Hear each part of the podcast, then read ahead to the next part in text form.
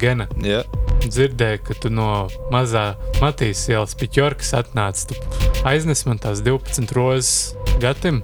Ko es tev teicu? Nē, viņš tomēr Lietuvā izdzīvoja pēc uh, vizītes izolatorā. Tā ka nu 11 es viņam aizdesu. Nu, un, uh, Attaisīt pusspēstu prozīt kasti, jo nu, vairāk viņš nav pelnījis cūku. Jā, bet tu ieraksti vēl. Ja tu jau ieraksti, jā? Bļiņ, mēs jau ierakstām. Atvainojamies, mē, mums te Jau, jau, jau! Streiki ir atpakaļ ar kārtējo bezcīgā sēriju! 13. pat taisno no Lienas ielas 13. Atcerieties tādu? Nē, nu labi. Nu, katrā ziņā mēs tur bijām pirms uh, atradāmies Free Riga projektā, no kur mūs izdzina ārā. Atcerieties, to nakti es biju tik aizpīpējies. Jā, es atceros, ka tie mērķi no Free Riga piesaistīja pārāk daudz pašu uzmanības. Un tad viņi vienu nakti atbrauca mūs izdzina sniegā un Lietuvu, visus skailus pēc kārtējās orģijas stāvējām. Noskatījāmies, kā mūsu brāļi sabrūk zem pašvaldības policistu nežēlīgajiem steku triecieniem. Bet tie, kurus izdzīvoja, tos aizveda uz Krievijas austrumiem. Labi, ka Gatis bija, labi, ka Gatis bija savāds mūs, aizveda noslēpt. Lai gan man viņš riebis visā savā būtībā, tomēr nu, viņš mums izglāba tajā reizē.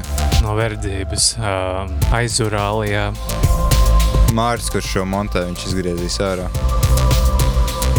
Nu, katrā ziņā pēc ļoti nepopulāra pieprasījuma bezcerīgais ir atpakaļ.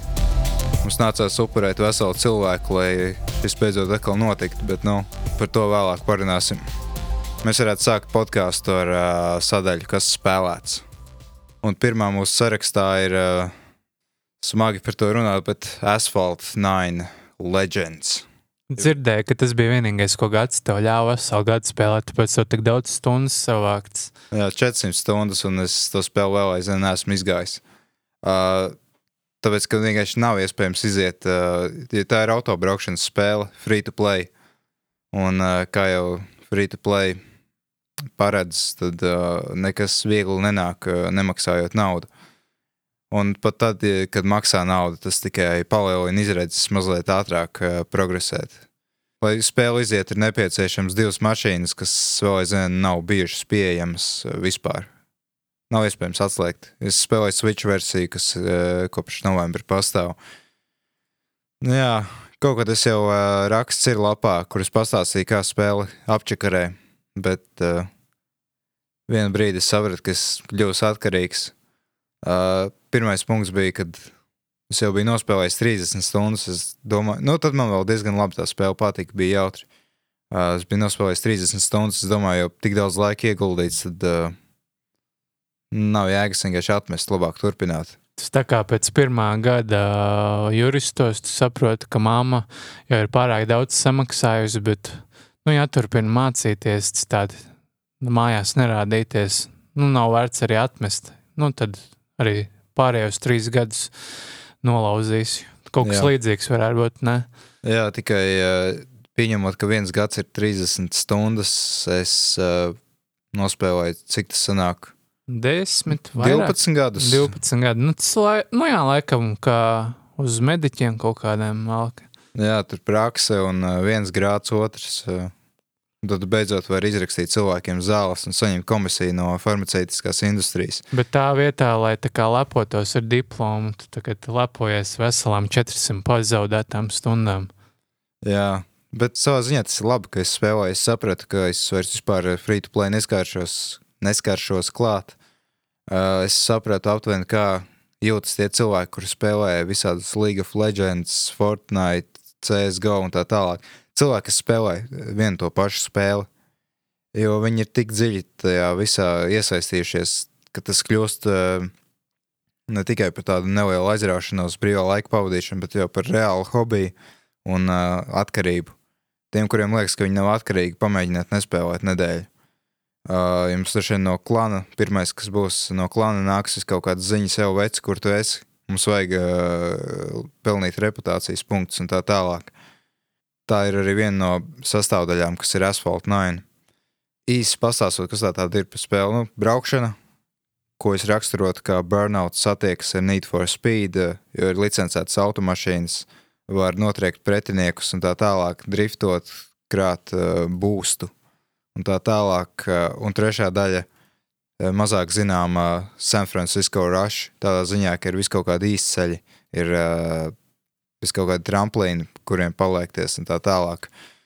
Runājot globāli par tādām, ka arcade tipu spēlēm, tad šī ir diezgan laba, manuprāt.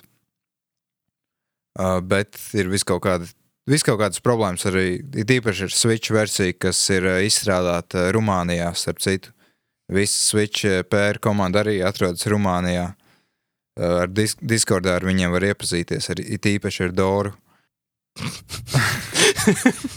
Jā, tas viss ir reāli. Nu, tas man liekas, par kaut ko liecina, ka spēle tiek kā, kā, kā ārējais pakalpojums sniedzējs, lai pārveidotu spēli jau gatavo no mobilajiem jaunai platformai, ka tas atrodas Rumānijā.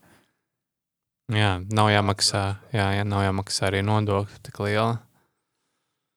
Kā visticamāk, ka tur arī, nu, viņam ir izdevīgāk, laikam ir aizvest visu savu izstrādātāju komandu. Ne, tur ir atsevišķa studija Ā, kaut kāda. savē, nu, tas Jā. vēl jau labāk nav kaut kāda īstais talants, nav jāved uz trešās pasaules valsts Nu, jā, nav jāmaksā īstas algas. Jā. Pietiek ar Rumānijas vidējo. Bet cik ilgi ir viens tāds brauciens šajā spēlē?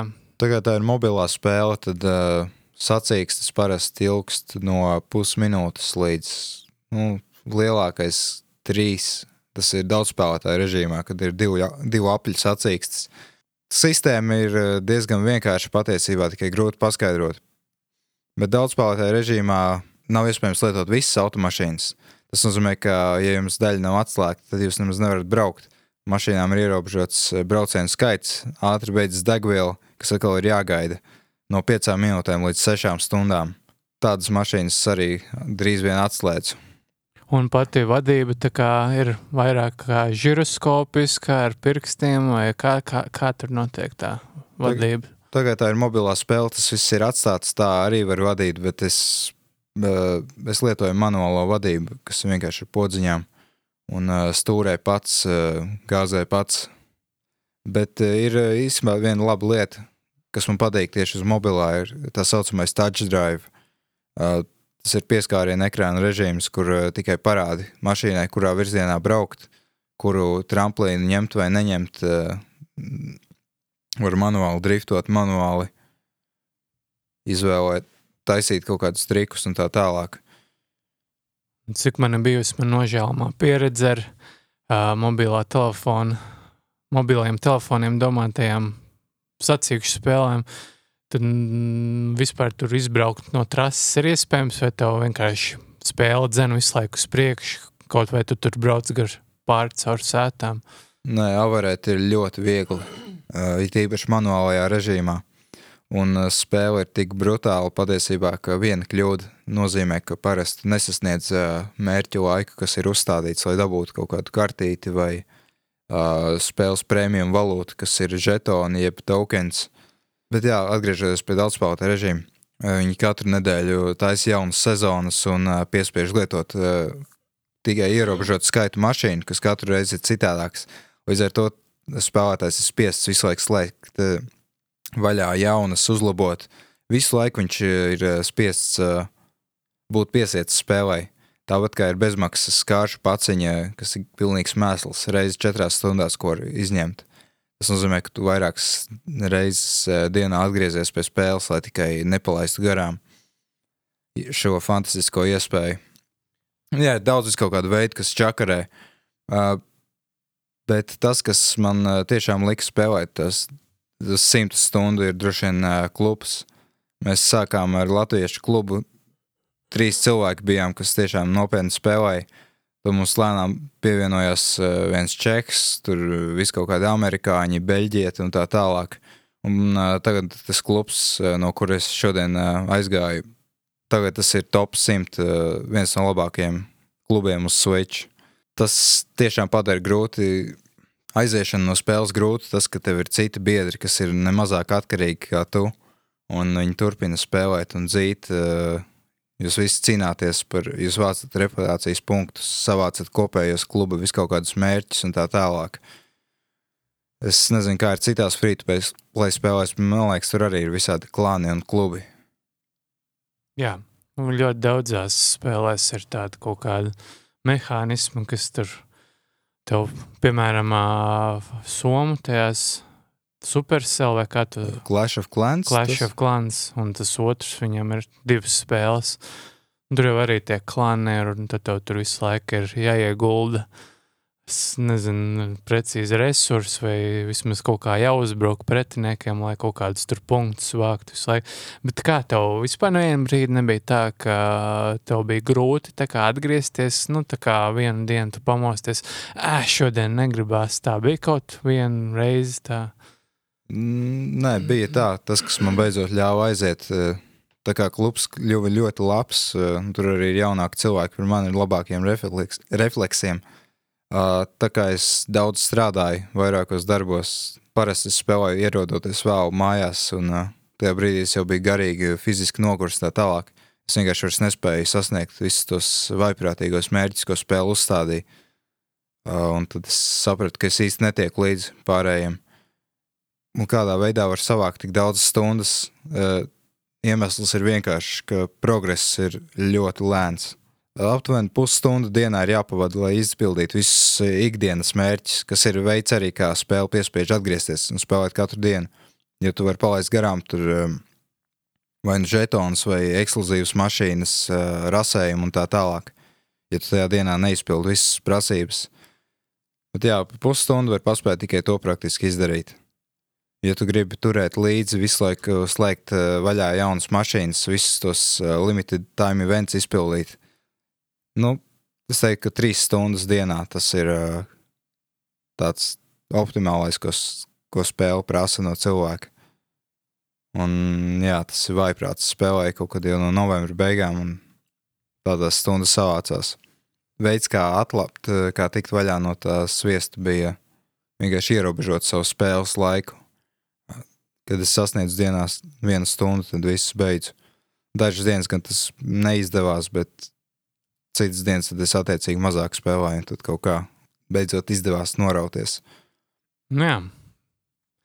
Nu, man gan par laimi nav tāds raksturs laikam kā tev, tāpēc es vispār kaut ko sāku spēlēt, man ļoti ātri apnīk. Nu, protams, izņemot tās spēles, kurās es zinu, ka ir kaut kāds gals. Nu, jā, jā, man ir tikai, man ir ļoti maz spēles, kuras esmu tik daudz stundas nospēlējis, tas arī vairāk ir tieši citu cilvēku dēļ, nevis tas, ka man tur gribētos atgriezties, piemēram, tur kaut vai tā pati Dota 2 vai Call of Duty Modern Warfare 3, tur gan arī tūkstoši stundas katrā spēlē ir, bet tas ir tikai tāpēc, ka man bija ar cilvēki, ar kuriem spēlēju. Tā es domāju, ka es nekad nebūtu tik daudz stundas savācis tās tajās spēlēs. Nu, jā, es teiktu, ka tā, tas sociālais spiediens tas, tā ir gala lieta, ko izstrādātāji mobilo spēļu free-to-play lieto, lai noturētu savus patērētājus. Bet nav tā, ka es daudz naudas iztērēju. Es iztērēju vairāk par, eh, noteikti vairāk par 60 eiro. Nopietni, Bet sākumā es pat labprātīgi eh, samaksāju tur 2 eiro par tā saucamo icebreaker deal. Tas ir pirmais, eh, ko tu nopērci. jā, tāds parasti ir katrā spēlē. Tur ir kaut kāda it kā tāda baigi aicinoša atlaide ir iedot vai kaut kas tam mm Mhm. līdzīgs. Tur eiro 20, tad tu samaksā vai 5 eiro, un tu to tur baigie labumi izskri. Bet man liekas, ka uh, agrāk vai vēlāk šie labumi tā kā kļūst tādi, nezinu, kā Latvijas būtu obsolīti, tā kā pilnu. Nu, Bezjēdzīgi, nu, jā. jā, jā, jā, tur visu laiku jā, citu labāku labumu ir vajadzīgi, lai vispār varētu tālāk tikt. Jā, jo tā mašīna, Porsche 718, kas tas ir Keimans, jā, ko es atslēdzu par eiro 99. Tā ir diezgan bezjē, bezvērtīga mašīna.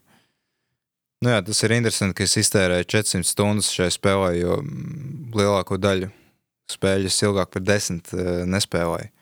Bet tas tāpēc, ka spēle kļuva par tādu kā komforta lietu. Tā kā cilvēki, kas atnāk mājās pēc darba, attaisa aliņu, skatās televizoru vai Netflix vai naudu.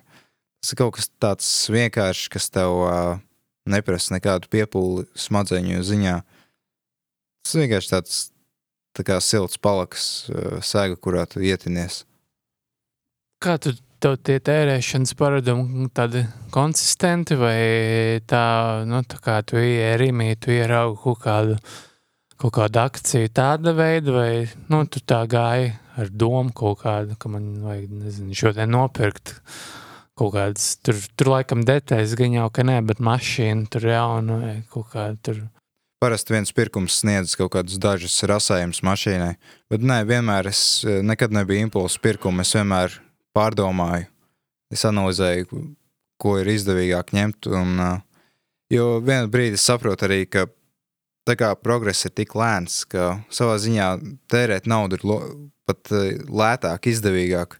Ja tu parēķini, cik vērtīgs ir tavs laiks, sazini, tur 5 eiro stundā vai 10, ja tu parēķini, cik daudz tu ietaupīsi nopērkot, tad. Uh, Jā, bet tu vienkārši nespēlē tas. Jā. Jā.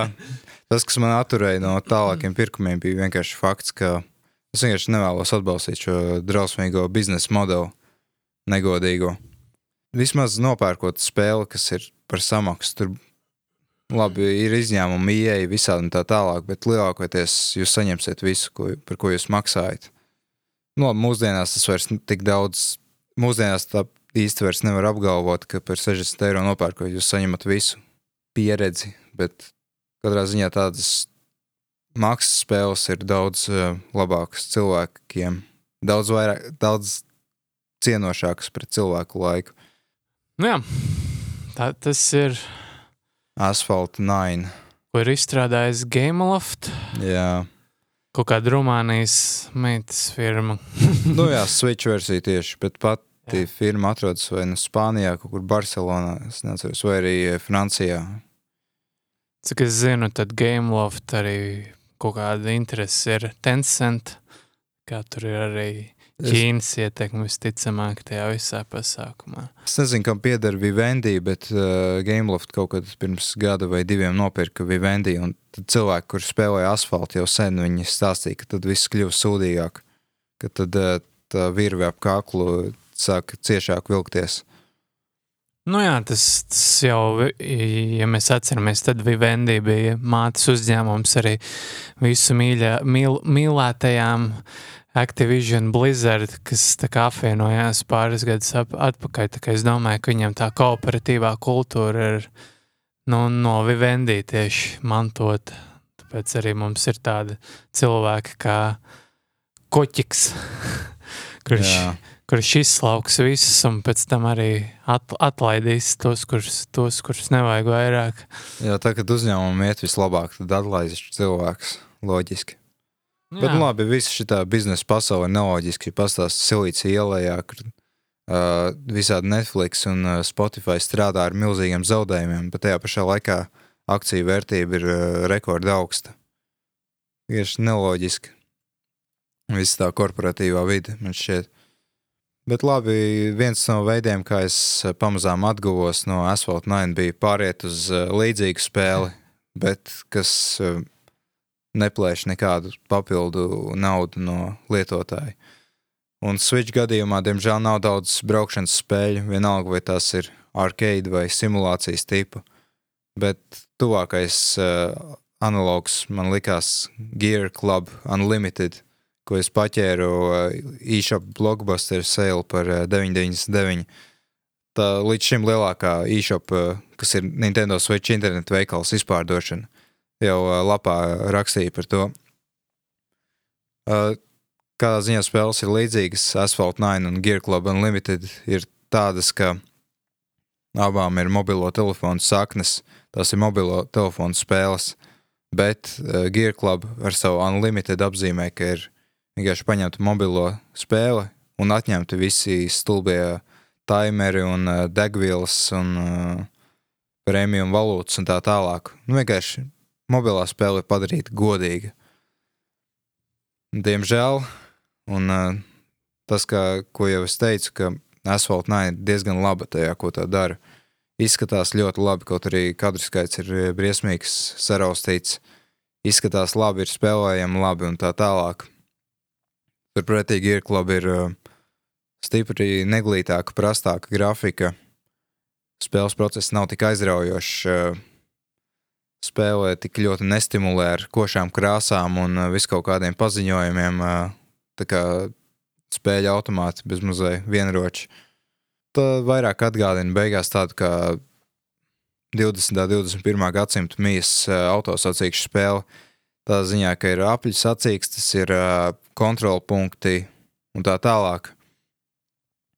Bet kas ir pozitīvi šai te, un līdzība ar asfaltu ir tāda, ka ir licencēta licencētas automašīnas. Tātad praktiski viss tas pats autoparks, e, kas asfaltam ir arī Gear Club ar dažiem foršiem papildinājumiem, bet, nu, protams, ar dažām lietām, kas ir nogrieztas. Tur nav, piemēram, Königsegga Regera un tam līdzīgas uh, hipera automašīnas. Spēle ir līdzīgāka pagājušā gadsimta un šī gadsimta mīs uh, autobraukšanas spēlē ir tradicionāla braukšana, vienkārši apļu sacīkstes, sacīkstes ar laiku un tā, tam līdzīgas lietas.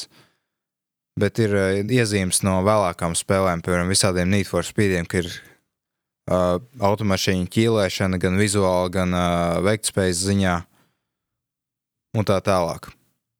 Spēle nav tik saistoša, nav tik interesanti. Un, ko es varu teikt? Nu, 9,99 ir ok. Uh, tur var slēgt pats savus pārnesumus. Tā ir tā kā mazliet vairāk simulācijas stilā. Ir vis kaut kāda asistenta, ko var izslēgt, bet tos izslēdzot, diemžēl spēle parāda to, ka tā nav īpaši laba braukšanas ziņā. Kad automašīna zaudē vadību, saķert, tas šķiet ļoti jocīgi un nekontrolēti. Un tas katrā ziņā nav Codemasters radīts produkts. Cik tā spēle maksā standartā? Man šķiet, ka Vai tik vai viņi pat neprasīja 50 eiro? Nopietni. Jā. es tā kā neieliku pirms šī podkāstu, paskatījos, kā tā spēle izskatās. Nu, vai es par tādu maksātu 50 eiro? Es nezinu. Jā, tā kad spēle parādījās, arī to pašu cilvēku teica, ka pārāk dārgi tam, kas tiek piedāvāts. Bet mm. to spēli var iziet kādās 12 stundās. Mm, jā, man liekas, par priekš desmit eiro. Viņš ir dārgi. Bet, nu, ok. nu, jā, tīpaši tāpēc, ka tā ir mobilo telefonu spēle, parādās visas tās mobilo saknes, arī īsas sacīkstas. Ilgāk par divām minūtēm īpaši nav. Un sanāk, uzreiz visi tie ielādes ekrāna garie šķiet neproporcionāli. Salīdzinājumā ar to laiku, cik pavadu tiešām braucot. Gan ir interesanti, kāpēc izstrādātais izdomāja šādu gājienu, kā pārnest, kā pārveidot spēli par maksas spēli.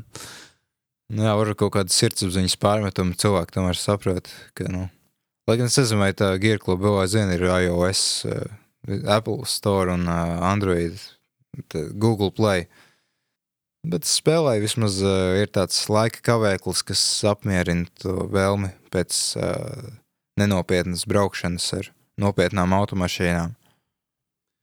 Jā, vēl aizvien šī spēle ir Android Store ar 4,1 zvaigzni. Tas ir, man liekas, diezgan zemu Google Play standartiem. Nu, Jā, parasti kaut arī ir piecas zvaigznes spēles vai nu, aplikācijas, kurām ir zem 4,5. jau ir tāds diezgan. Ir īpaši, ja ir tik daudz vērtējumu, šajā gadījumā ir 191,000 vērtējumu, un ja mēs iegūstam 4,1 zvaigzni, tas nozīmē, ka ir pietiekami daudz neapmierinātu cilvēku bijuši. Tā kā, nu jā, Jā, es uz visiem tiem vērtējumiem veikalos šajos skatos uz IGN uh, spēļu vērtējumu skalu. Jā. Mazāk par astoņu, tātad slikts. nu, tad, tas, tā mēs diemžēl esam nonākuši, arī metakritikā. Man liekas, ka pat spēlēm ir salīdzinot ar filmām, tā krāsa nomainās pie augstāka vērtējuma piemēram, 70 jau ir dzeltens, kur filma ar 70 vēl ir zaļa. Tāpēc tas jau nu, parāda, ka cilvēki ir nu, vairāk vēlīgi pievērst lielākiem cipariem, skaitļiem uzmanību kā mazākiem. Lai gan tas nevienmēr norāda uz to īsteno kvalitāti. Daudz spēles jau ir pierādījuši sev, ka tās ir diezgan labas par spīti ne tikai kritiķu, bet arī pašu lietotāju vērtējumiem. Nē, tā laikam, tas laikam cits temats. Jā, bet uh, kā tas atsaucas uz, uh, kā tas attiecas uz Borderlands 3? Ja pareizi atceros, tad uh, Borderlands 3 tā kā neizcēlās ar baigi augstām. Ar lielu starpību starp lietotāju un kritiķu vērtējumu. Nu jā, ja tā paskatās, tad tāds, tāds, tāds, uh, nu jā, Hmm. Tad vērtējums ir 78, un lietotāji novērtē vēl zemāk. Būdams, nu, paspēlēt šo spēli, es varu saprast, kāpēc. Tā kā es esmu spēlējis visas Borderlands spēles, kā pietiekami lielā apmērā, lai, nu, varētu, kā, nezinu, ja nekvalificētu, tad kaut kādu viedokli sniegt. Nu jā, tur pa lielam, man liekas, ka šī spēle, nu, lai ir, ir interesanta, nu, tā kā spēja panākt to, ko tā grib panākt, nu, proti, uh, veidu, kā piesaistīt spēlētājus stundu desmitiem, man liekas, ka tur ir pārāk maz izmaiņas, ja salīdzinām ar Borderlands 2, kas jau bija pārāk līdzīga pirmajai spēlē, nu, tur gan bija šādi tādi uzlabojumi, bet pa lielam, jā, uh, Borderlands 3 izskatās un sajūtās, liek justies tieši tāpat kā otrajā spēlē. Nu, visa tā šaušana, viss skriešana, nu, tas kā ieroči uzvedās, viss, viss tieši tas pats, kas otrajā Borderlands spēlē. Vienīgā atšķirība ir tas, ka braukšana ir daudz ciešamāka. Varbūt es spēlēju Es ļoti nedaudz pirmo, bet es neatceros, ka tur būtu transporta līdzekļi bijuši. Nu, pirmajā bija, un tur tā vadīšana bija tā, ka tu eh, vienīgais, eh, nu, uz datoru bija tā, ka tu ar taustiņiem varēji mainīt kā ātrumu, uz priekšu, uz atpakaļ, bet virziens, uz kurien tu brauc, kontrolējās ar peli. Jā, Un tur iedomāties, kā tas pārtulkojās arī uz konsoļu kontrolēm līdzīgi. Un tas šajā spēlē ir mazliet ciešamāks tas padarīts. Kaut arī tieši tāpat vadās, bet kaut kā man liekas, ka daudz labāk šoreiz tas, nu es vismaz mazāk triecos senā, bet ne par to ir runa. Es vēl nepabeidzu Borderlands 3, jo tā kā es biju procesā un man pēkšņi izdomāja mans Playstation Network konts to, ka es vairs ne, nevarēšu piekļūt savam kontam uh, ne manas vainas dēļ, tad man pēdējo mēnesi es esmu iesprūdis vienā vietā. Jā, cik dziļā. pietiekami laikam, lai varētu kā sniegt par šo meiteni zināmas atsauksmes. Jā, būs interesanti izlasīt patiesībā. Bet man liekas, Kekings vai ka, kurš jau mums jau kāds apskatījis šo spēli, ne? Uh. Oho, strike vairs nestrādā, bad gateway. nu, tas ir 502. Ā, tas tur šodien pagaidu tikai. Jā, Ā, viss kārtībā, man izskatās. à, nu jā, viss kārtībā. Man liekas, ka Mareks apskatīja uh, Borderlands jā, 3. viņš apskatīja. Nu, es neatceros, ko viņš teica par šo spēli. Bija pozitīvi, bet arī laikam tas pats, ka tā pati otrā daļa vien ir tikai kaut kas tur pamainīts, uzlabots. Nu Jā, pat tie, tie cilvēciņi, kurus tu izvēlējies, tie tēli atšķirās pārāk maz. Visi ir tā kā ir tavs tanks, ir, ir, ir, ir tava sirēna, ir čalītis, kurš kļūst neredzams, kuram ir dzīvnieks kaut kāds, kurš uzbruk un novērš uzmanību. Nu, viss tas arī ieroči tādi, nu, nu, tur ir interesantāk, nu, tā kā papildu domas, piemēram, šobrīd ir ierocis, kas tā kā mērķējot down the sites, es nezinu, kā latviski to vispār no, Caur tēmekli. caur tēmēkli, jā, tēmēkli. Uh, tad parādās uh, vairoks, kaut kāds enerģijas vairoks. Uh, ir tā, ka pārlādējot ieroci, tā kā ierocis tā kā pārvēršas tādā kā turetē. Nu, es nezinu, Latvijas arī kāds būtu. Kaut kāds stacionārais lielgabals, nē, Nē, nu, kaut kas tur- ložmetējs. Jā, ja bija tā, ka otrajā spēlē bija tā, ka pārlādējot dažus ieročus, varēja aizmest un tie uzsprāga. Šeit ir tādi paši ieroči, bet papildus tam ir arī tādi ieroči, kurus aizmetot, tie kļūst par nu, stacionāriem lielgabaliem, kā genocīds tas nosauc. Nu, tā kā ir jauns mehānikas, jā, bet tas, nu, tās visas lietas tādas sīkas arī izskatās spēle. Nu, tāpat kā iepriekšēji, iepriekšējās divas spēles, tur ir tādas, nu, varbūt advancētākas tā kā animācijas tēliem. Stils ir tas pats. Stils ir tas pats, lai gan tā nav slikta, nu, slikta lieta, bet es biju sagaidījis, ka būs, nu, ka būs tāds tā kā motion cappings kaut kāds vairāk, tur, uh, nezinu, kaut kāds ticamāks sejas, tas, tas animācijas, un kaut kas tam līdzīgs. Nu jā, bet īpaši runājot par Playstation 4 versiju, es nezinu, kā strādā datoru versijas, bet Playstation 4 Pro versija ir nu, tā kā uz zem vidusmēra datora strādā, mm. lai gan ir 60 kadri lielākoties, uh, bieži vien pazūd kadri, kas ir vēl sliktāk kā zemes kadru skaits, vienkārši tā kā, nu, Nav stabili. Nu Jā, frame skippings ir drausmīgs, ir īpaši uh, sižeta tajās ainās kaut kādās, tur vienkārši cilvēki tur runā vai tur kaut kas uzsprakstījā. Tas neslēpj vienkārši ielādes ekrāns vai Nē, nē, nē, ielādē, ielādē tā kā tur.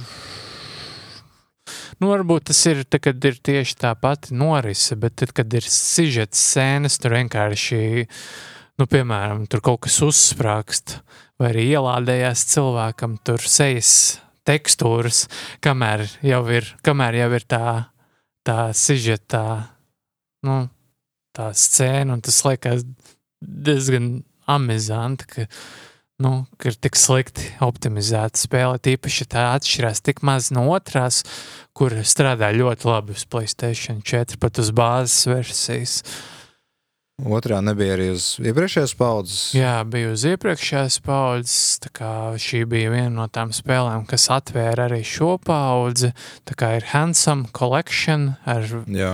ar visiem papildinājumiem otrajā, plus arī to mēnesi, to spēli, kas ir tā kā pre-sequel, jā, Jā. pareizi tā to sauc. Īsumā to es arī mēģināju. Jā, tā kā viss tās spēles strādā perfekti, nekad nekas n- nebremzē, vismaz manā pieredzē.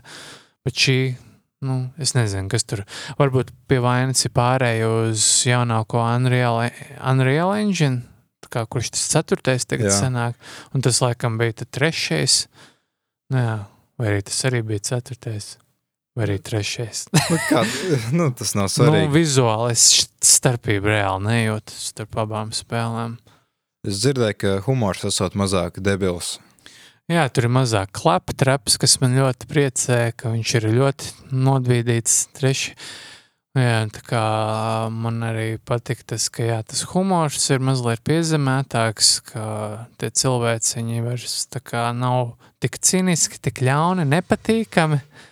Tagad viņi vairāk vienkārši ir, ja ir nepatīkams tēls, tad viņš ir nepatīkams. Nu, jā.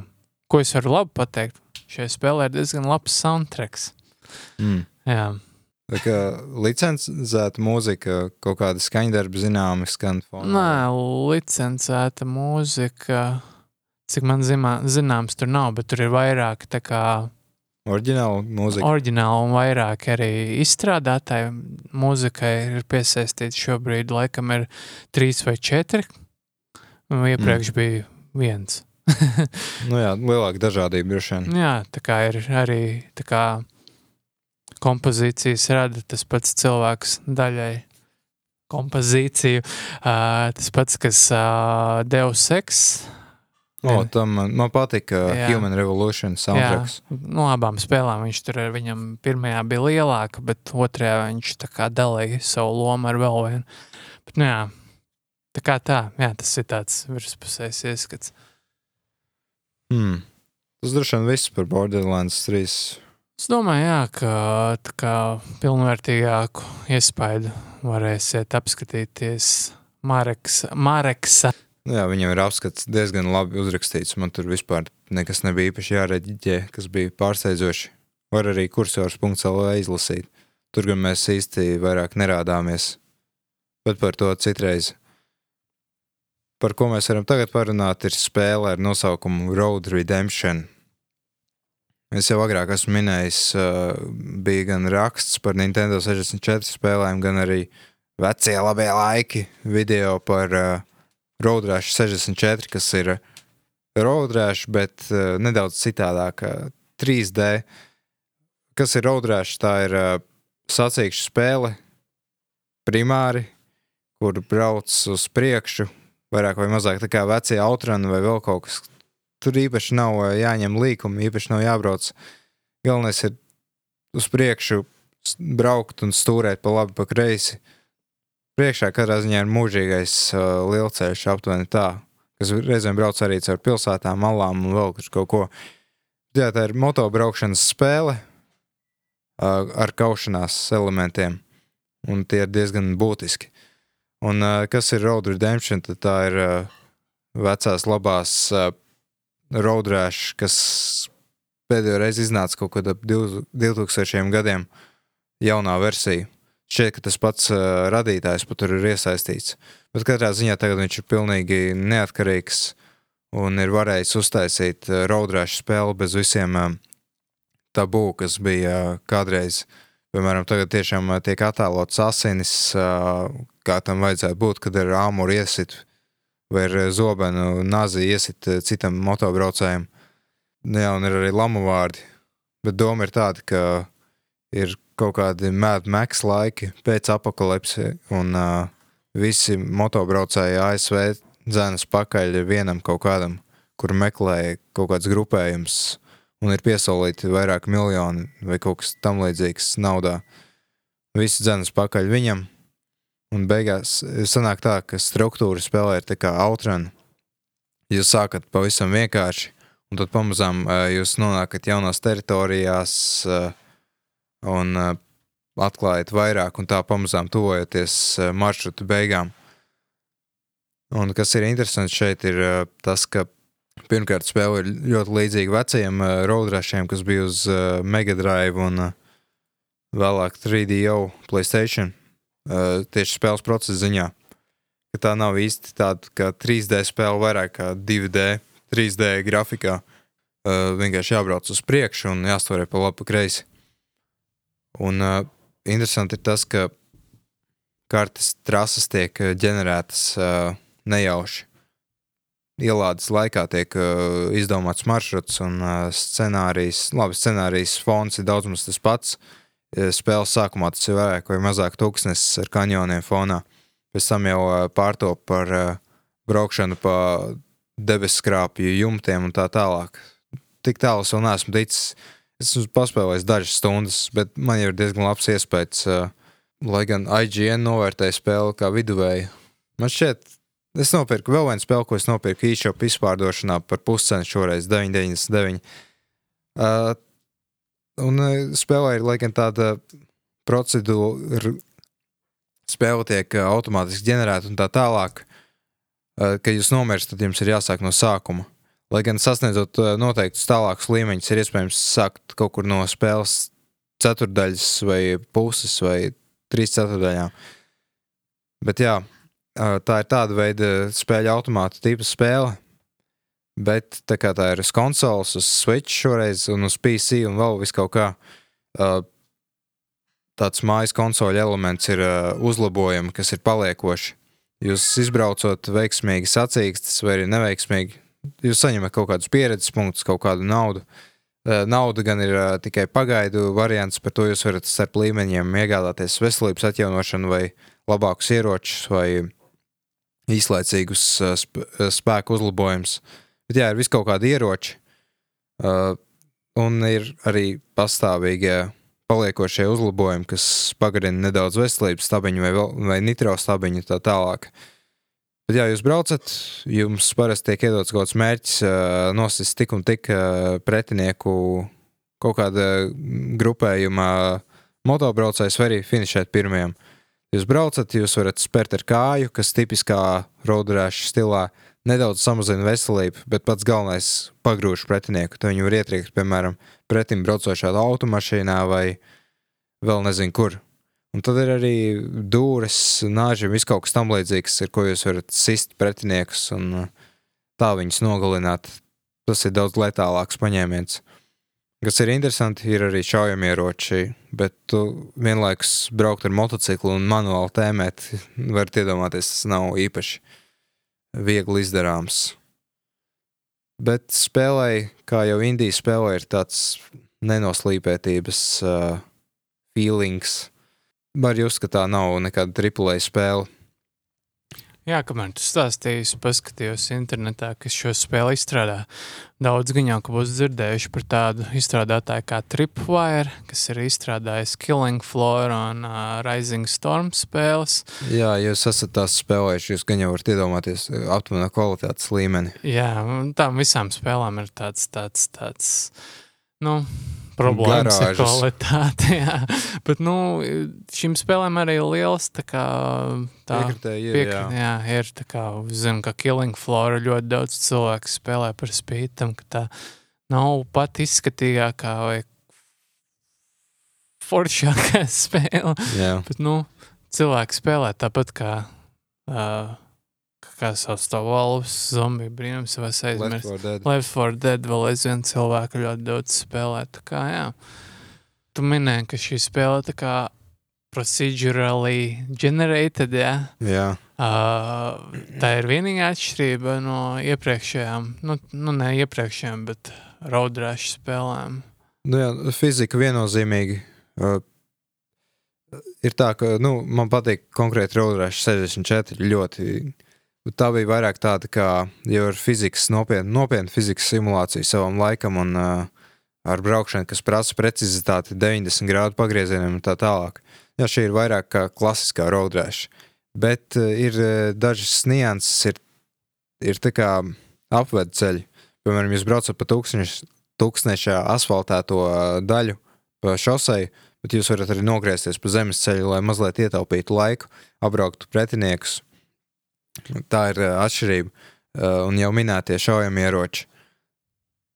Nu, protams, lamu vārdi, uh, asinis, tas, tas agrāk nebija. Bet vairāk vai mazāk diezgan tuva klasiskajai roadrāšai. Bet tā kā mērķis ir uzvarēt sacīksties pirmkārt. Mērķis ir, ja tu ie- zini, sacīkšu spēli Outrun, klasisko sega. Ir līmeņi ar laika ierobežojumiem, bet eh, ir arī karte. Un tad kartei pa, pa gabaliņu, pa gabaliņam jūs arvien tālāk nonākat eh, līdz maršrutu pašām beigām. Un eh, tā, tā, tā tas progress notiek. Tas nav tā kā tu visu tad metālu, kur vienkārši brauc pa arēnu un šķēdi. Ja? Nē, nē, visu laiku brauc pa lielu ceļu, vairāk vai mazāk. Tikai Jā. brauc uz priekšu, mazliet stūrē pa labi vai kreisi. Varbūt nedaudz vairāk, atkarībā ir asāks līkums. Ir vis kaut kādas augstuma maiņas un tā tālāk. Bet tā ir tāda tiešām man tuvākais, kas atgādina, ir pseido ā, 3D braukšanas spēles. Tā kā viss. Nu, ja Game Boy Color zini, vai Game Boy Advance, daudz bija tādas spēles, kas ir it kā, it kā 3D, bet patiesībā vairāk 2D. Tev ir ceļš priekšā, kas rada ilūziju, ka tu brauc pa 3D pasauli. Grūti paskaidrot. Daudz nezinās, par ko es vispār runāju. Un tiem, kuram ir switch, var izmēģināt dažas no uh, F-Zero klasiskajām spēlēm. uz- Jā, F-Zero ir līdzīga. Nu, Labi, F-Zero mazliet vairāk par braukšanu, ir nu, jā. par braukšanas tēmu, ar braukšanas precizitāti un tā tālāk. Nu jā, bet tas 3D princips līdzīgs. Tā kā 2D Jā. spraiti uz kaut kādas nosacītas 3D plaknes, kaut kādas tur. Nu, tev tāds, nu, izskatās. Īsts 3D tas nav katrā Jā, ziņā. Jā, un tā, es atceros, ka es, kad, kad es pirmā reize redzēju, kā tas izskatās, un man vienkārši likās, ka tā spēle tā kā krata to norisi, lai izskatītos, ka vienkārši uz ātrāk, uz priekšu viss iet. Jā, klasisks triks. Es tik, tik smalki, es tik daudz neesmu spēlējis, lai ievērotu to. Bet varbūt mazliet pagrūti orientēties, jo kamera ir brīvi grozām ar uh, labu analogo sviru. Tas, Bet es pieļauju, ka lielākais tas jautrības potenciāls ir, ja spēlē vēlams tā kā vietējā daudzspēlētāja režīmā. man šķiet, ka tāds ir. Varētu būt, jā, ka dalīties ekrāns, jo tad var, uh, tad var abi kopā sist pretiniekus. Man, man likās interesanti ieroči, ko es klasiskajos raudrāšos neredzēju. Bija, piemēram, uh, bumba ar laika degli. Tad piesprāv pie pretinieka, paiet divas sekundes, viņš uzsprāgst.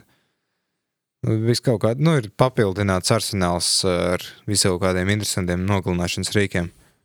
Bet- Jā, Bet nav vairs veco roadrāšu šārma, kas bija 90. gada sākumā, kur bija full motion video un tāds, tāds jokains, dēkains uh, mākslinieckais stils. Šī ir vienkārši tāda vairāk brūni, pelēka, bēdīga post pēc apakaliptiskā spēle. jā, atceros, kā mēs spēlējām Roadrush. Kad tie Mm. cilvēciņi, kādiem pikseļainām locekļiem, tur viens cits, citu tur daudz. Man patīk, ka varēja ar kājām tur kādu nospērt no motocikla. tas ir klasiski. Jā. S, nu, tie bija vecie laiki. Jā. Es domāju, ka, ka tie laiki, kad bija ierobežota pieejamība nu, tām spēlēm un vispār kaut kādai tehnikai, uz kā mm. spēlēt, bet tas daļa no šarma, jo tad jau nebija tā kā ies, nu, pieejas kaut kādām tur super-duper spēlēm, kuras tur varētu spēlēt. Bija vienkārši jāiztiek ar to, kas ir. Mūsu gadījumā tas bija Nintendo 64. Jā, kur tu biji kaut kādās apšaubāmās, met, apšaubām metožu rezultātā iegūst. Nu, labi, es par savu GameCube vispār nerunāju. O, jā, es pat negribu atcerēties. bet Jā, bet, nu, jā, tas man, man, man, man pietrūkst. Nu, tie vecie laiki, tie bērnības laiki, kad tu nestrādāji un nevarēji neko atļauties, jo tev mm. Vecāki skatījās super šķīvi uz visu to pasākumu, tāpēc tas vēl jau vairāk bija, ka tev, nezinu, bezmazliet zem gultas bija jās, jāslēp tas viss pasākums, lai tev nekonfiscētu. Jā, slēp kaut kādā vīna kastē, jā. kur tieši precīzi ielikt eh, Nintendo 64 ar dažām spēlēm, eh, pulti vai divām un uh, barošanas bloku. Bet, jā, jautājums, vai Roadrush ir uh, aktuāli vēl šodienā? Nu, es domāju, tā ir vairāk tiem, kuriem ir nostalģija, tiem cilvēkiem. Jā, tie, kuri paspēja vēl paspēlēt tā laika spēles, tāpat kā, nezinu, time splitters. Es domāju, ka ne katram patiktu tādas spēles mūsdienās, bet, nu, es domāju, tie, kuri pie tādām uzauga, tiem diezgan silta vietiņa sirdī. Jā, bet tiem, kuriem patīk Time Splitters, tie arī skaļi bļauj, ka viņi grib turpinājumu. Un kaut kad nesen kaut kāds uzņēmums, es nezinu, tieši Q Nordic nopirka uh, intelektuālo īpašumu. Jā, tik žēl, ka tas vairs nekad nebūs tas, kas bija kādreiz. Tas bez, mēr, nu, bez tēmēkļa, bez iespējas mērķēt, bez vienkārši reāli tāda stingra tā kustība. Nu, ne stingra, bet tāda Stīva? stīva, jā, tas, tas viss tāds. Bet tāpat tur bija tāds nu, neierobežots iespējas ar to karšu red, Redaktoru, red, redaktoru. Bet kas man pietrūkst, ir arī GoldenEye 007 stilā misiju uzdevumi, mērķi, kas ir jāizpild. Ja tu pacēl grūtības pakāpi, tev parādās jaunas lietas, kas tev būtu jāizpild, lai pabeigtu līmeni. Nu, jā, jā, man liekas, tas arī tām vecajām spēlēm, tas saturs bija daudz, daudz vairāk. Tur bija vēl ne tikai tas pamats stāsts vai sižets, bet bija arī kaut kāda blakus uzdevuma, visu kaut ko, kas tev tur ļāva atslēgt visādas lietiņas. Un pēc tam, kad atnāk kāds pie tevis spēlēt, tu viņiem parādi kaut kādā tur status logā, o, man šitais, man ir tik daudz, tur nezinu, zelta vai platīna ap, apbalvojumu. Haha, man vairāk kā tev. Es atceros, ka mums bija tas time splitters, kad tur bija tās medaļas arī varēja vākt, tas platīna apbalvojums, un tad mēs tur mērījāmies ar time Jā. splitter peņiem, kuram garāks. Vai tas jau izklausās ļoti jocīgi. Es vairs negribu to turpināt. Mazliet, mazliet novirzoties no tēmas, es uh, minēju, ka jā, spēlēs bija daudz satura un viss kaut kā. Es biju dzirdējis, ka Dirt Rally 2.0, kas ir uh, rally spēle un rally cross spēle, viena no labākajām it kā tagad. Es biju dzirdējis, ka tur ir biķernieku trasi. Es aizņēmos no Eking diskus PlayStation 4. Un es kaut kā skatos, ka nav trases. Tad es paskatos Playstation Store, izrādās, tas maksas saturs. Bet, protams, kāpēc lai tev bez maksas dot kaut ko tādu, kas kādreiz būtu bijis daļa no spēles? Jā, nu ļoti nepatīkami. Un cik tāds maksāja no noslēpums? Vien, tur viena karte vai vairākas kaut kāda Di- paka? 2,89 par uh, biķernieku trasi vien. Par Tas vienu trasi. Jā, mārciņās. Un tas vēl pat diezgan sālīti. Nu, Ja, ja tu gribi, piemēram, Audi S1, kas patiesībā nav Audi S1, vienkārši rallija versija, kas izskatās pēc Audi S1, tad eh, tas arī bija kaut kāds mārciņš ar kaut ko, man liekas.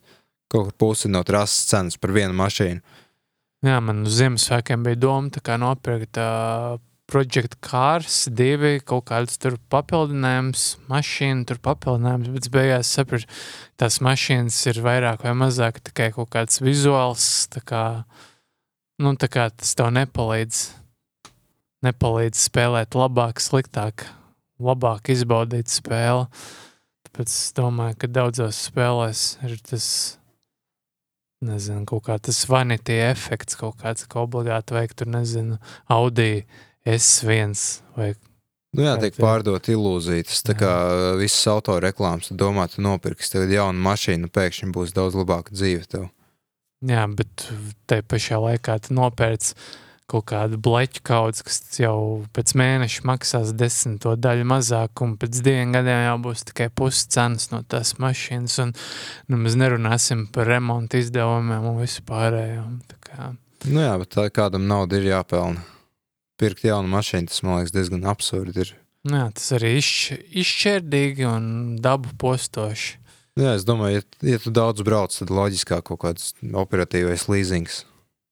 Bet, nu, labi, tas ir pavisam citā tēmā, kas galīgi neskar spēles. Tāpēc pāriesim pie Tokyo Mirage Sessions. Uh, hashtag, kā to latviešu sauc, kaut kāda zīme. Jā, kaut FE. kāda zīme, man liekas, ka tas ir domāts kā kaut kāda tur. Kaut kāda uh, nošu pierakstā izmantotā tā pierakstu zīmes. Nezinu. Nē, bija kaut kāds nosaukums īpaši, bet tas Man vajadzētu zināt, bet diez. diez. Jā. Šo spēli es spēlēju. Kā jau varbūt varēja noprast pēc manas apskata. Bet uh, viena lieta apskatā, tur nebija rakstīts, kas, kurai platformai tā spēle ir. Tā ir Switch spēle, Tā ir Switch spēle, jā, bet nu, kas reiz bija Wii U spēle. kas reiz bija Viju spēle. Es vienkārši domāju, ka cilvēkiem, kuriem tas šī spēle vispār interesē, jau zinās, kas tā ir spēle. Jā. Jā. Jo man liekas, ka reti, reti kurš grib iziet no savas komforta zonas, lai kaut ko jaunu spēlētu. Nu, jā, tāpēc viss turpina arī daļai spēlēt visus savus CSGO un League of Legends tā tālāk. Viņi negrib iesprūgt, viņi vienkārši grib kaut ko komfortablu, kas Jā. Kaut ko, kas aizpilda mīlestības trūkumu dzīvē. Tu atnāc mājās un tu ieslēdz to pašu pazīstamo sūdu. Bet šī spēle nav sūds Tokyo Mirage Sessions. Jā, pēc 25 stundām. Nē, nu, līdz tam 25 stundām šī spēle arī nav sūdz, bet vienkārši man, man, man kā rūtītam ciniķim un šādu veidu spēļu spēlētājiem es jau, es nezinu, cik es esmu Japāņu stila tās lomu spēles savā mūžā spēlējis un izgājis. Tāpēc man viss tas ir jau zināms, jau apnicis mazliet. Nu, tā kā nu, es būtu tas cilvēks, kurš ir nospēlējis Counter-Strike Global Offensive uh, desmit tūkstošus stundas. Nu, man jau būtu tas, tas reāli jau kaut kāds pagurums no, tā, no tādām, bet nu, ik pa laikam kaut kas jauns ir šajā žanrā, tā kā tas, tas mēdz parādīties. Bet nu, šī, šī spēle, diemžēl, nav. Nā, Nav nekas inovatīvs. Jā, tas nav super inovatīvi. Tur ir dažas lietas, kas ir citādākas, bet ne tādā globālā plaknē. Ne, ne, ne tā kā skatoties kā uz Japāņu stila spēlēm, bet skatoties kā uz uh, persona Jā, es saprotu, ka, vai šim, nu, vai arī Fire Emblem spēlēm. Es saprotu, ka šeit kā personas izsauc Fire Emblem varoņus. Jā, šajā gadījumā, ja kāds ir spēlējis personu un varbūt saprot, par ko es runāju, tad uh, Shin Megami Tensei spēlēs, it īpaši persona spēlēs, ir raksturīgs tas, ka tu vari savākt daudz visādas personas, kuras kā nu kurā spēlē viņi apsauc par ēnām, par dēmoniem, vienalga. Un tad tu viņus vari tā kā sev tā kā uzvilkt, nezinu, ekipēt sevi ar šīm personām. Tā kā, viņam katram ir savs spējas, savu uzbrukumu, savas vājības, savas stiprās puses. Bet šajā spēlē kā tas piesaistīts vienai personai, ja tā var teikt, katram varonim ir viena persona. kas arī ir raksturīgs uh, persona 5, kur ir katrai, katram ir sava persona galvenā. Šajā spēlē tev ir tikai un vienīgi viena persona, kas ir viens tā kā Fire Emblem jau zināms tēls. Bet tu vadi grupiņu ar varoņiem. Jā, kur- tu vadi grupiņu ar varoņiem, tā kā tu veido, tur ir maksimums trīs cilvēki, vienlaikus var piedalīties jebkurā cīņā, bet tu viņus tā kā vari samainīt, tur kombinēt, vienīgais tu nevari savu to galveno varoni nomainīt nekad, kas, nu, jā. Tas saprot diezgan tāds klasisks JRPG. Nu jā, tas tur tajā ziņā tur viss ir klasisks, un ja tu zini, kas ir Fire Emblem, kas ir Shin Megami Tensei, tad visi tie elementi arī ir zināmi, ir, ir visi tie, elek nu, tie uzbrukumi ir tieši tāpat nosaukt Jā. kā Shin Megami Tensei. Tur ir Un- trīs stūris. Jā. Jā, ir trīs stūris, gan ir trīs stūris no Shin Megami Tensei, gan trīs stūris no Fire Emblem. Jā, tad uguns uzvar uh, ledu vai kaut kas Jā, tāds. Jā, nu tur nu, šim megam ir tas, ka katram tēlam ir savas vājības. Viņus, nu, tās vājības apzīmē ar kā neitrāls, re, rezistīvs, vājš vai nu, vispār nu, kā. Nu, Neietekmē. Ne, nu, nemainās, jā, ne vājš, ne stiprs, ne Mm. neitrāls. Nekas vienkārši tur ir svītriņi tajā vietā. Un tur papildu tā kā nāk tā kā no Fire Emblem ir tie ieroči tipi, ir uh, pīķi, zobeni, cirvji un loki. Plus vēl nāk tie vienību veidi. Ir lidojošās vienības, ir jātnieki, ir kainieki. tā Kā, nu, tur nāk vēl papildu vienkārši tas mehānikas iekšā tajā spēlē. Ja zini, tad Fire Emblemā cirvija bija vāja pret, pret, pret uh, es jau aizmirsu, Ķēpiem? šķēpiem. Mums šķēpi bija vāja pret uh, Zobeniem. Zo, vai otrādi. Nu, ka, Nu, jā. nē, nav svarīgi. Un lidoņi bija vāji pret bultām un uh, vēja maģijām. Nu, šeit vienkārši tas viss ir tā kā kišmišs sajaukts kopā. Un Tas Bet es nesaprotu, pretinieki ir visi kaut kādi jātnieki vai uh, arī, cievi? arī paši varoņi. Tā kā galvenais varonis, viņš, piemēram, viņam ir zobens, tad tev otra tā meitene, ar kuru tu cubasa, ar kuru tu kā tu sāc to spēli, viņa ir Pegas. Pegas tā bruņiniece, tāpēc viņa skaitās tā kā lidone, un viņa ir automātiski vāja pret vēja maģijām. Nu, tā kā arī Fire Emblem tas būtu, ka jebkurš lidojošais, viņš viņu iznīc, viņam ir dubults, dubults dubulta vājība pret, arī pret šaujam ieročiem. Nu, šeit nav šaujam, bet bultas vairāk tāda veida. Nu jā, bet tas darbojās, tas viss tā darbojās. Bet kā notiek ziņā. uh, cīņu uzsākšana? Tu skraidi pa pasauli un pēkšņi nejauši. Uh, nē, tas nu, pasaulē ir tā, kā, ja tu esi spēlējis par sonu spēles, tad uh, tu zināsi, ka kā uh, visa noris notiek tād, tādā nu, cietoksnī. Pa Nā, kuru Tikai tas- skolā. Nu, jā, mazliet. tā kā skolā, un tad tu skrieni, un tad tu redzi, tur, piemēram, kaut kāda tur ēna, šajā gadījumā mirāža, kaut ko tur tusē. Un tu nu, vari izvēlēties, vai nu mēģināt izvairīties, vai nu uzbrukt. Un, ja tev, piemēram, iesit pa muguru, tad priekšroka ir tā mirāžai, ja tu kaut kā, tā kā, nu, nezinu, kā pareizi izrubī, to, mm. tad ir priekšroka atkal tev. Nu, tā kā tieši, un tad sākās tā cīņa. Nu, zini, iedomājies jau. tā kā... tā kā arī Dragon Quest persona tas pats. Sanāk, tu pa labirintu skraidi. Ja, kaut... Jā, ir tā kā labirints, tā kā tev karte nav zinām, bet tu tur to. Nu, karte ir tā kā konkrēta viena, bet tu nezini, kāda tā karte būs. Tu tā kā atklāji to karti palēnītēm, mm. un, un jā, tu, tu tur skrien, un tu tur ik pa laikam ir kaut kādas puzles, kas ir jāatrisina, un tur kaut kādas durvis jāatver, kaut kādas tur platformas jāpaceļ uz leju, uz augšu. Tā kā tas viss tur ir, tas pats, nu, kā no personām paņemts.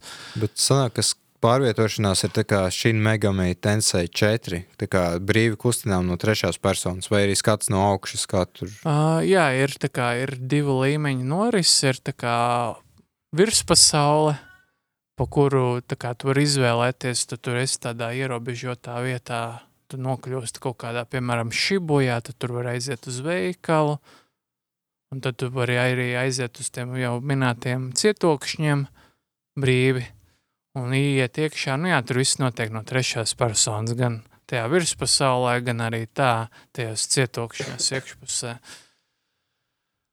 Nu jā, pa lielam, pa lielam mans lielākā kritika būtu par to pašu, nu, to stāstu, ka, nu, Nenozīmīgs. jā, nenozīmīgs galvenais ir tas, tā, tā, tā norise, cik tev ātri apnīk vai neapnīk. Tas viss, kas tur notiek, nu, man, piemēram, patīk tur kačāt savus cilvēciņus, tāpēc man nekad nav problēmas ar tā saucamo grindošanu, bet, nu, ja tev tas nepatīk, tad, tad vienīgais pieķers punkts ir tas stāsts, bet ja nav stāsts, nu, tad, jā, tad ir problēmas. Patiesībā, jā, tu man atgādināji jautājums, ko vienmēr uzdodu par RPG spēlēm. Vai ir situācijas, kad tev ir eh, kaut kādā vietā jāpavada vairāk laika, lai uzskačātu savu līmeni, tad tu varētu pieveikt bosu?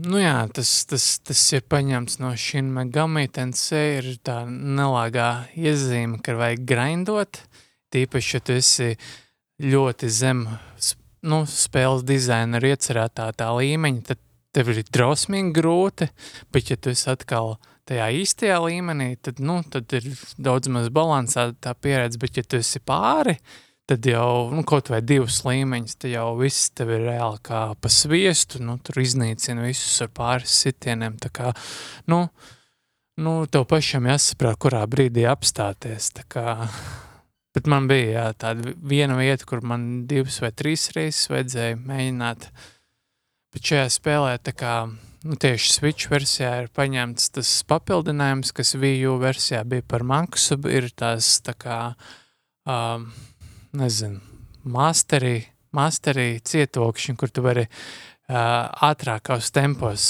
sevi pastiprināt. Tā kā, Ah, nu jā, boosteri, kas bija iepriekš. nu jā, šeit ir, nu tā kā tu ieej iekšā tajā cietoksnī un tu, tu dabū to grāmatiņu, tu, tu nezinu, patērē to grāmatiņu, nezinu, iedzer grāmatiņu, un tad pie nākamās cīņas tev automātiski ir nākamais līmenis un tādā garā. Un tad tu vari vienkārši iet un riebis viss tur grindošana, tu tur vienkārši tur aiziet un pakačāties. Nu, šo iespēju izmantoju vienreiz, bet, nu, jā. Tas, tas tā kā viņi jau brīdina, ka šis var tev sačakarēt tavu spēles pieredzi. Mm, nu jā, tas arī būtu bijis mans jautājums, cik ļoti tas bojā balansu. Nu, nu, ja tev riebis tas viss tā noris, tad jā. Bet teorētiski varētu ietaupīt diezgan daudz laika. jā, tur. varētu ietaupīt. Ja tu īpaši, ja tu izlaidi visas tās sižeta, tās sainas, tad man liekas diezgan ātri to spēli var iziet. Hmm. Nu jā, tas izklausās labi. nu, ja tas ir tavs mērķis. Nu jā, bet ja tas stāsts galīgi garām, tad Nē, nu, es saku, kā kuram, kuram ir pacietība vairāk, kuram, kur, kurš nav pieredzējis tādas veidu stāstus, tā kā viņam varētu patikt vairāk, nezinu.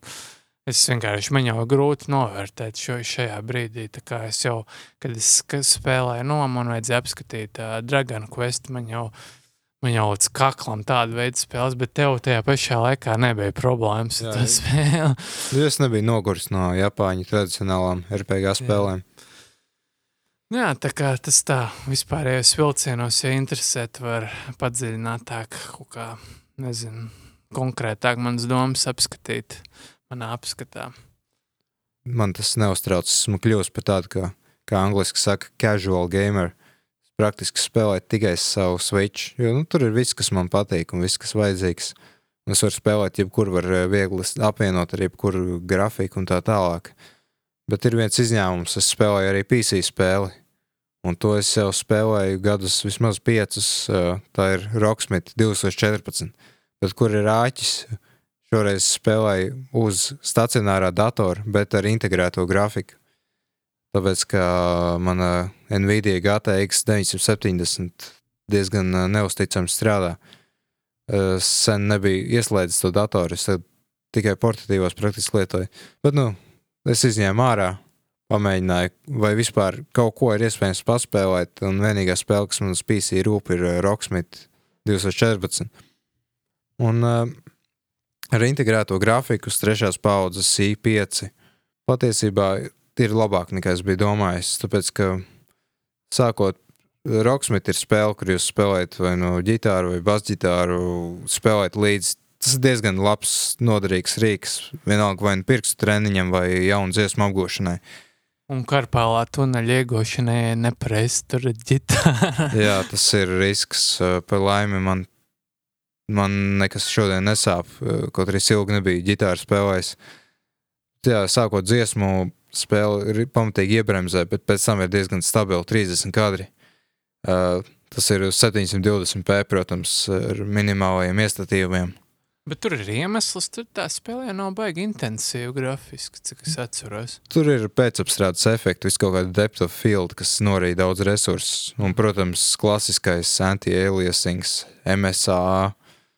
To visu atslēdz, tad var dabūt. Kaut kad reizēm pat uzšaujas uz 60, bet nav tā, ka nestabili visu laiku lēkā. Uh, es to pašu biju testējis arī uz datoriem, portatīviem diviem. Uz veca ThinkPad no 2012. gada, kur spēlēja diezgan nespēlējami pat ar divkanālu RAM. Uh, jo nu, kaut kādā brīdī ieslēdzas viss kaut nu, tā termālās aizsardzības un tā tālāk. Un, um, ļoti saraustīts strādā tā, ka nu, nevar normāli paspēlēt. Uh, un uz divus gadus veca ThinkPad, kur ir jau vairāk ok, bet tas ir ultrabooks un tur ir vēl agresīvāk tā, visa trotlošana. Bet vismaz pamata dzelži ir labāki tā, ka uh, sit, sitiens ir uh, mazāk sāpīgs. Bet, jā, es diezgan forši. Mūzika ir īstenībā forša lieta. Tāds uh, patīkams hobijs. Paspēlēju kaut kādus Bad Religion un uh, The Black Keys dziesmas. Diezgan jautri. Uh, jā, un ģitāra tieši, ko es, kas nav mans tāds kā pamata instruments. Lai gan viss kaut kādi jāloka rokas, lai akordus spēlētu, viss kaut kāds barē un uh, kvintakordus ar papildu notīm, bet, jā, karpēlais tunelis nav tā, ka tas labi. Tulznes arī nav sāpīgs, kas man pārsteidz. Nu, ar laiku izaugs uz pirkstu galiem kaut kāda papildu kārtiņa uz ādas. Jā, ir uz ādas papildu kārtiņa. Bet jā, Rocksmith ir tā, ka, ja jūs apgūstat eh, pie kaut kāda pasniedzēja vai cilvēka, kurš jums parāda pamatus pašus, tad jūs pēc tam jau varat ņemt eh, un uh, labs rīks. Gan gammas trenēties, gan dziesmas uh, reāls iemācīties. Vai man vismīļākais bija tas klasiskie air metāla gabali. Ah, jā, es toreiz to basģitāru aizdevu, tad Jā, nu, ar bezģitāru nav tik interesanti. Def Leopard. Jā, man patīk Def Leppard, tas bass, tas ļoti, vien... Jā, ļoti vienkārši, bet tas ir, tas ir kaut kas, ko tāds, tāds lohs kā es, kurš nemāk nevienu instrumentu normāli spēlēt, uh, var vismaz kaut kā izpausties, bet es saku, jā, ar basģitāru laikam nav tik interesanti, laikam kā ar kaut kādu tur, Nu, bet man ir nokačāts arī legāli Dream Theater un uh, Primus uh, kaut kāds repertuārs, jā, tas kolekcijas, kas ir, un uh, jā, tur basģitāra tas pats grūtākais instruments, man liekas. Bet, protams, tie ir izņēmumi. Lielākais, jā. Lai gan ģitāra tas ir uh, atkarīgs, ko tu spēlē, tu spēlē ritmu, un tie ir tie paši akordi, kas jāatkārto, tad tas savā ziņā ir vieglāk. Lai dažādi cilvēki, tur nevar tā viennozīmīgi teikt. Bet jā, uz integrētās grafikas, pat uh, kas tas ir HD 4000, tai, tai paudzē, es nezinu. pirms kādiem 12 gadiem, kad bija problēmas iegūt labu tehnoloģiju, es labi pārzināju, bet, nu, tas vēl bija pie pirmās i procesora paudzes vai pat pie pēdējiem quad, quad duo koriem šitiem visiem, kad, mm. vēl, kad vēl kaut ko varēja saprast no visiem tiem. Nu Jā. Man jāmēģina kaut kā no tā stacionāra datora, visi dati kaut kādas rezerves kopijas jāuztaisa. Uh, un tad jātiek vaļā no tā datora. Es nezinu, cik par tādu kasti bez video kartes var dabūt. Tagad 100 eiro varbūt. Ne Pārāk daudz laika, tīpaši, ja tik vecs procesori. Nu, video kaut kādas tur vēl var montēt, bet, protams, tur nav HEVC atbalsts eh, un tā tālāk. Tas viss uz procesoru diezgan grūti, smagi iet. Nu, pirms es nopirku seškodola raizenu, man, man, arī, man arī bija trešās paudzes i5, bet atšķirība ir, nu, kā diena pret nakti. Kaut arī takts frekvences ir līdzīgas un viss tam līdzīgi. Nu, tas, nu, ir, ir manām atšķirība. Es arī, es neticēju, ka tas tā ir, bet, nu, diemžēl tā ir, tā, tā ilgtspēja ir tikai ilūzija, kā es kaut kur dzirdēju. Nu Jā, es personīgi ar datoru upgrade būtu pagaidījis, kad iznāk nākamā konsoļu paudze. Tad, man liekas, ir visloģiskāk. Bet, nu, labi, kuram ir tāda pacietība? Mēs arī nezinām, vai tiešām būs tik liels lēciens. Nu jā, tagad, tagad nu labi, ne tagad jau RT, RTX tā kā sērijas kartes jau ir kādu laiku ārā, bet šīs kartes nav manāmi labākas, jo vienkārši video spēļu tehnoloģijas vēl aizvien nav sasnieguši īstu ray tracingu lielākoties, tā kā liels gūms iztērēt tik mm -hmm. daudz naudas toreiz, pirms, kad iznāca pirms diviem vai pusotru gadu tās RTX 2000. Laikam, jā. Nu, vēl aizvien 1080, 1660 Ti pārsit šīs kartes mierīgi. Kā, nu, Man liekas, ka nākamā video kārta ir jāpērk, tad, kad tiešām būs konsoles un kad uh, ray tracing būs standarts jau un nobriedusi tehnoloģija. jā, jāskatās, ar kādiem brīnumiem iznāks Team Red un Team Green šogad. Kā es paredzu, ka varētu būt kaut kādi, kaut kādi jaunumi tuvāk uz gada beigām, ir īpaši, jā, kā Gen- Gena jau teica, ņemot vērā jaunās konsoļu paudzes. Bet, nu, cik es dzirdēju, viņi, ne viņi, bet abas konsoles izmantos diezgan pavācis processors, kas kā rada bažas. Bet man, man tas neuztrauc, tāpēc, ka konsoļu gadījumā tev ir viens, uh, viena specifikācija, ar ko strādāt. Uh, Izstrādātāji ar laiku iemācās izspiest maksimumu. Tāpēc arī Switch pār, patiesībā ir daži porti, kas izskatās ļoti labi.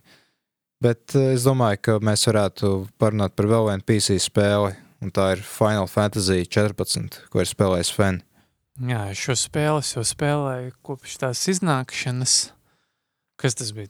Desmitais gads, jā, un tā spēle tā kā uzsprāga. Nu, ne uz, nu, sliktā ziņā uzsprāga. Tā kā tā spēle būtu burtiski uzsprāga uz gadu laikam, ja nemaldos. Un tad atzima Realm Reborn veidā 13. gadā. Un, un kopš tā laika es arī nopietnāk spēlēju šo spēli. Diemžēl es tālāk par, par, par, uh, par otro papildinājumu vēl neesmu ticis, jo man ir tā, ka es, es jau podkāstu sākumā teicu, ka man ir ļoti grūti ar to um, Ar, vienveid, ar vienām tā pašām spēlēm. Komitmentu, jā, man ir problēmas, tāpēc, jā, es tā kā paspēlēju, atmetu, paspēlēju, atmetu, man tas pats ir World of Warcraft, un šo pašu spēli tas pats ir, jā, bet, nu, ja jūs gribat konsistentu, konsekventu, Jā, ko, cieta, nē. jā, un vienveidīgu pieredzi, ja jūs gribat, uh, tagad jau ir septītais gads, kad šī spēle ir pieejama visiem, un vi vienmēr uh, salīdzinot ar World of Warcraft, uh, nu, jūs varat to pašu spēli, kas iznāca pirms septiņiem gadiem, spēlēt arī šodien, uh, kur par World of Warcraft tā spēle, kas iznāca pirms septiņiem gadiem, nu, papildinājums, precīzāk sakot, šobrīd jau nekas no tā vairs nav praktiski aktuāls, viss jau ir izmainīts līdz nepazīšanai, tāpēc, jā, tā kā šajā, uh, man patīk, ka Final Fantasy 14 izstrādātais nevis iznīcina visu iepriekšējo, bet, nu, pieliek konstanti, pieliek vecie pieredzē jaunus, tā kā jaunas lietas, tur paceļ līmeņu, to maksimumu, jaunas spējas, pievieno jauns saturs, jauns stāsts, viss, viss, viss tiek tā kā kon konstanti papildināts, nevis celts uz vecā pamata. No vienas puses varbūt tā ir slikta lieta, bet es domāju, ka Slikti tiem, kuriem dzelži nav uzlaboti labu laiku. Jā. Ne, nu šī spēle, manuprāt, strādāt labi arī uz pat vecākiem aparātiem. Tur, lai gan tā spēle izskatās diezgan ok, pat priekš savu vecumu. Tā, protams, nav viskaistākā spēle pasaulē, manuprāt. Uh, jebkurš, kuram ir puslīdz ok dators, šo spēli var spēlēt ar labiem kadriem uz augstiem izstādījumiem. Nu, it īpaši ņemot vērā, ka tā ir pieejama arī uz Playstation 4 un uz Xbox One. Nē, uz Xbox One laikam nebija pieejama. Jā, jā. Nu, tikai nesen viņi iznīcināja atbalstu priekšā 32 bitu platformām, ieskaitot Playstation 3. Ah, jā, Playstation 3 spēle. Tā. Jā, arī uz Playstation 3. Un tā kā visi spēlētāji var spēlēt vienā, vienā pasaulē, arī no visām platformām. Bieži vien sanāk satikties ar cilvēkiem, kas jokaini kustās, jo tas ir kontrolieris. Nu, jo ar tastatūru, klaviatūru es nezinu, kā, kā pareizāk to tagad saukt mūsdienās. Tastatūra man šķiet. Jā, tastatūra ir tā kā pavisam cita spēlēšana.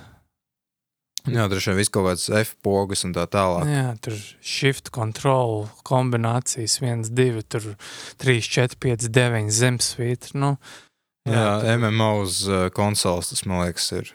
Es esmu spēlējis arī uz konsoles uh, Final Fantasy 14. Tur ir tā atšķirība, ka uh, tie shifti un kontrols aizvieto reāli.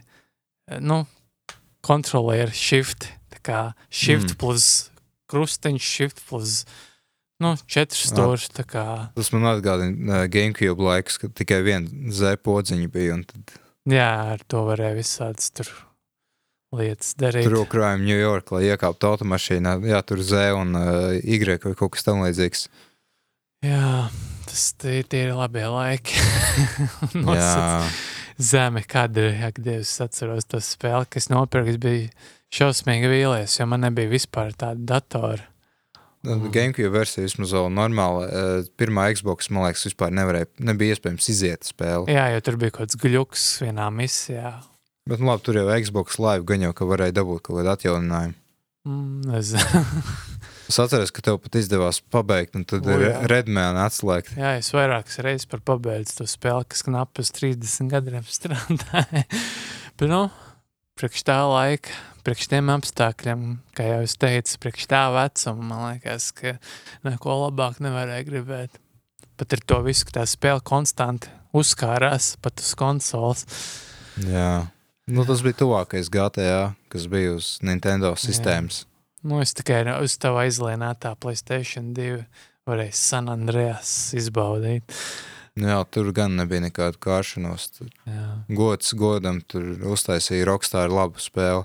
Pat, man liekas, ka pat labāk bija spēlēt uz Playstation 2, pateicoties tam, ka bija auto-aims. Jā, Uz PC versijas auto-aims bija ļoti šausmīgi implementēts, manuprāt. Nu jā, atgriežoties pie Final Fantasy 14 šai spēlē, jau ir kurš trešais papildinājums, kurš iznāca. Shadowbringer vai Jā. Shadowbringers, kurš iznāca pagājušā gada jūnijā, jūlijā. Nu, tas arī mans mērķis ir tikt līdz tam. Bet, nu, es jau trešo mēnesi spēlēju, un esmu ticis tikai līdz otriem labākajā gadījumā. Tā kā jā, šī spēle ir ļoti nu, koncentrējās uz stāstu, uz kvalitatīvu stāstu pasniegšanu. Tā kā uh, mūsdienu Final Fantasy ir pat labāks kā 13. Final Fantasy vai 15. Nav nejausmas. Nu, tur, kur- 15. tā, tā single player Jā, lielā. 15. sajauc, jā, XV pareizi, jā, jā. Salīdzinot ar 13. un 15. šī, šī, šai spēlē ir labāks stāsts. Un salīdzinot ar World of Warcraft, kur ir vienkārši brutāli jāskrien uz priekšu pēc iespējas ātrāk, šeit nu, ir iemesls kā pakavēties ilgāk, kā lēnāk. Un, jā, tur, protams, ir jāmaksā pat tas abonements katru mēnesi. Bet, nu, man, Cik? Uh, tur ir bāzes abonements, kurš ir ievērojami lētāks. Es neatceros, laikam, 10 eiro, kaut kas 8, 90, 99, kaut kas tam līdzīgs. bija. Mhm. Protams, tur ir ierobežojums, tur ir viens tēls vienā pasaulē, bet nu, šeit ir. Tā kā jau tas spēlējis Final Fantasy Tactics, noteikti atceries, uh, ir tas, ka katrs varonis var būt jebkurš kā klase, jebkurā klasē. Tu vari būt melnais bur- bu- burvis, tu vari būt uh, paladins, tu vari būt uh, pjuģilis, nu, kaut, kautiņa meistars, tas ir pjuģilis, kā Latvijas būtu pareizi. kā- Nezinu. tuvciņas speciālists. Nezinu, nu, tā kā tu vari tā kā būt jebku, ku, jebkurā profesijā ar vienu tēlu. Un tas ir vienkārši. Tur nav nekur jāiet. Tu nospied vienu pogu, un tu esi melnais burbulis. Tu nospied vienu pogu, tu esi paladins. Un tu, tas, tas man patīk šajā spēlē, ka tev nav jātaisa tūkstošiem tēlu, alternatīvo. Nu, tā kā, jā, kā viss ir tā kā, nezinu, kā to nosaukt normāli, ka tu vari pieķerties savam tēlam normāli, tur izveidot, nokrāsot matus un, nezinu. Katru ar kaut kādām prēmijām valūtām. Šajā spēlē nav tāds prēmijum prēmijumā tā kā valūtas, bet ir tā kā boosteri, kas ļauj kā izlaist stāstu. Uh, tā kā tu samaksā naudu, un tu izlaiž stāstu, un tev jau kaut kāds 70. līmenis, bet tu, nu, tu pazaudē visu to spēles jēgu, jo spēles jēga nav, nav tik ļoti kā nu, tas endgames spēle, nu, tas process ir svarīgāks šajā spēlē. Kā, nu, to arī jebkurš pateiks, kurš šo spēli spēlēs ilgāk par pārdesmit stundām. Tāpēc, nu, jā. Nu, tur ir arī ļoti forša tā cīņas mehānika. Tā kā nav tā kā uh, World of Warcraft, ka tu nospied pogu un gaidi, ka pa- pārtulkosies. Šeit tur jāskrien pa labi, pa kreisi. Tur arī mainās uzbrukuma stiprums atkarībā no tavas pozīcijas attiecībā pret tavu pretinieku. Nu, tur ir ļoti dziļa tā mehānika, salīdzinot ar citām daudz spēlēm, nu, nezinu, ļoti daudz spēlētāju režīmu spēlēm, kuras spēlēs līdz šim. Jā. Nu, tā kā par jaunāko papildinājumu, diemžēl nevaru neko pastāstīt. Es zinu, ka tur ir jaunā, seksīgā uh, Strušs meitenes. truča meitenes, jā, tā kla Mm. ne klase, bet rase, ar kuras sāku spēlēt, bet es sapratu, ka man īsti nepatīk. Mm, man mīļākā. Jā, vieras bija, ja, ja, ne, ja pareizi atceros, tad 11. Final Fantasy, arī Final Fantasy Tactics bija vieras. Jā, nu tā kā, jā, pagaidām viss, ka jau, ka laik, laik, laikam ejot, es varēšu vairāk pastāstīt par šo spēli. Tad, jā, Gena, varbūt tu vari pastāstīt par kaut ko. Atgriežoties pie Switch spēlēm, nu, te es varu tikai ar pirmajiem iespējām dalīties.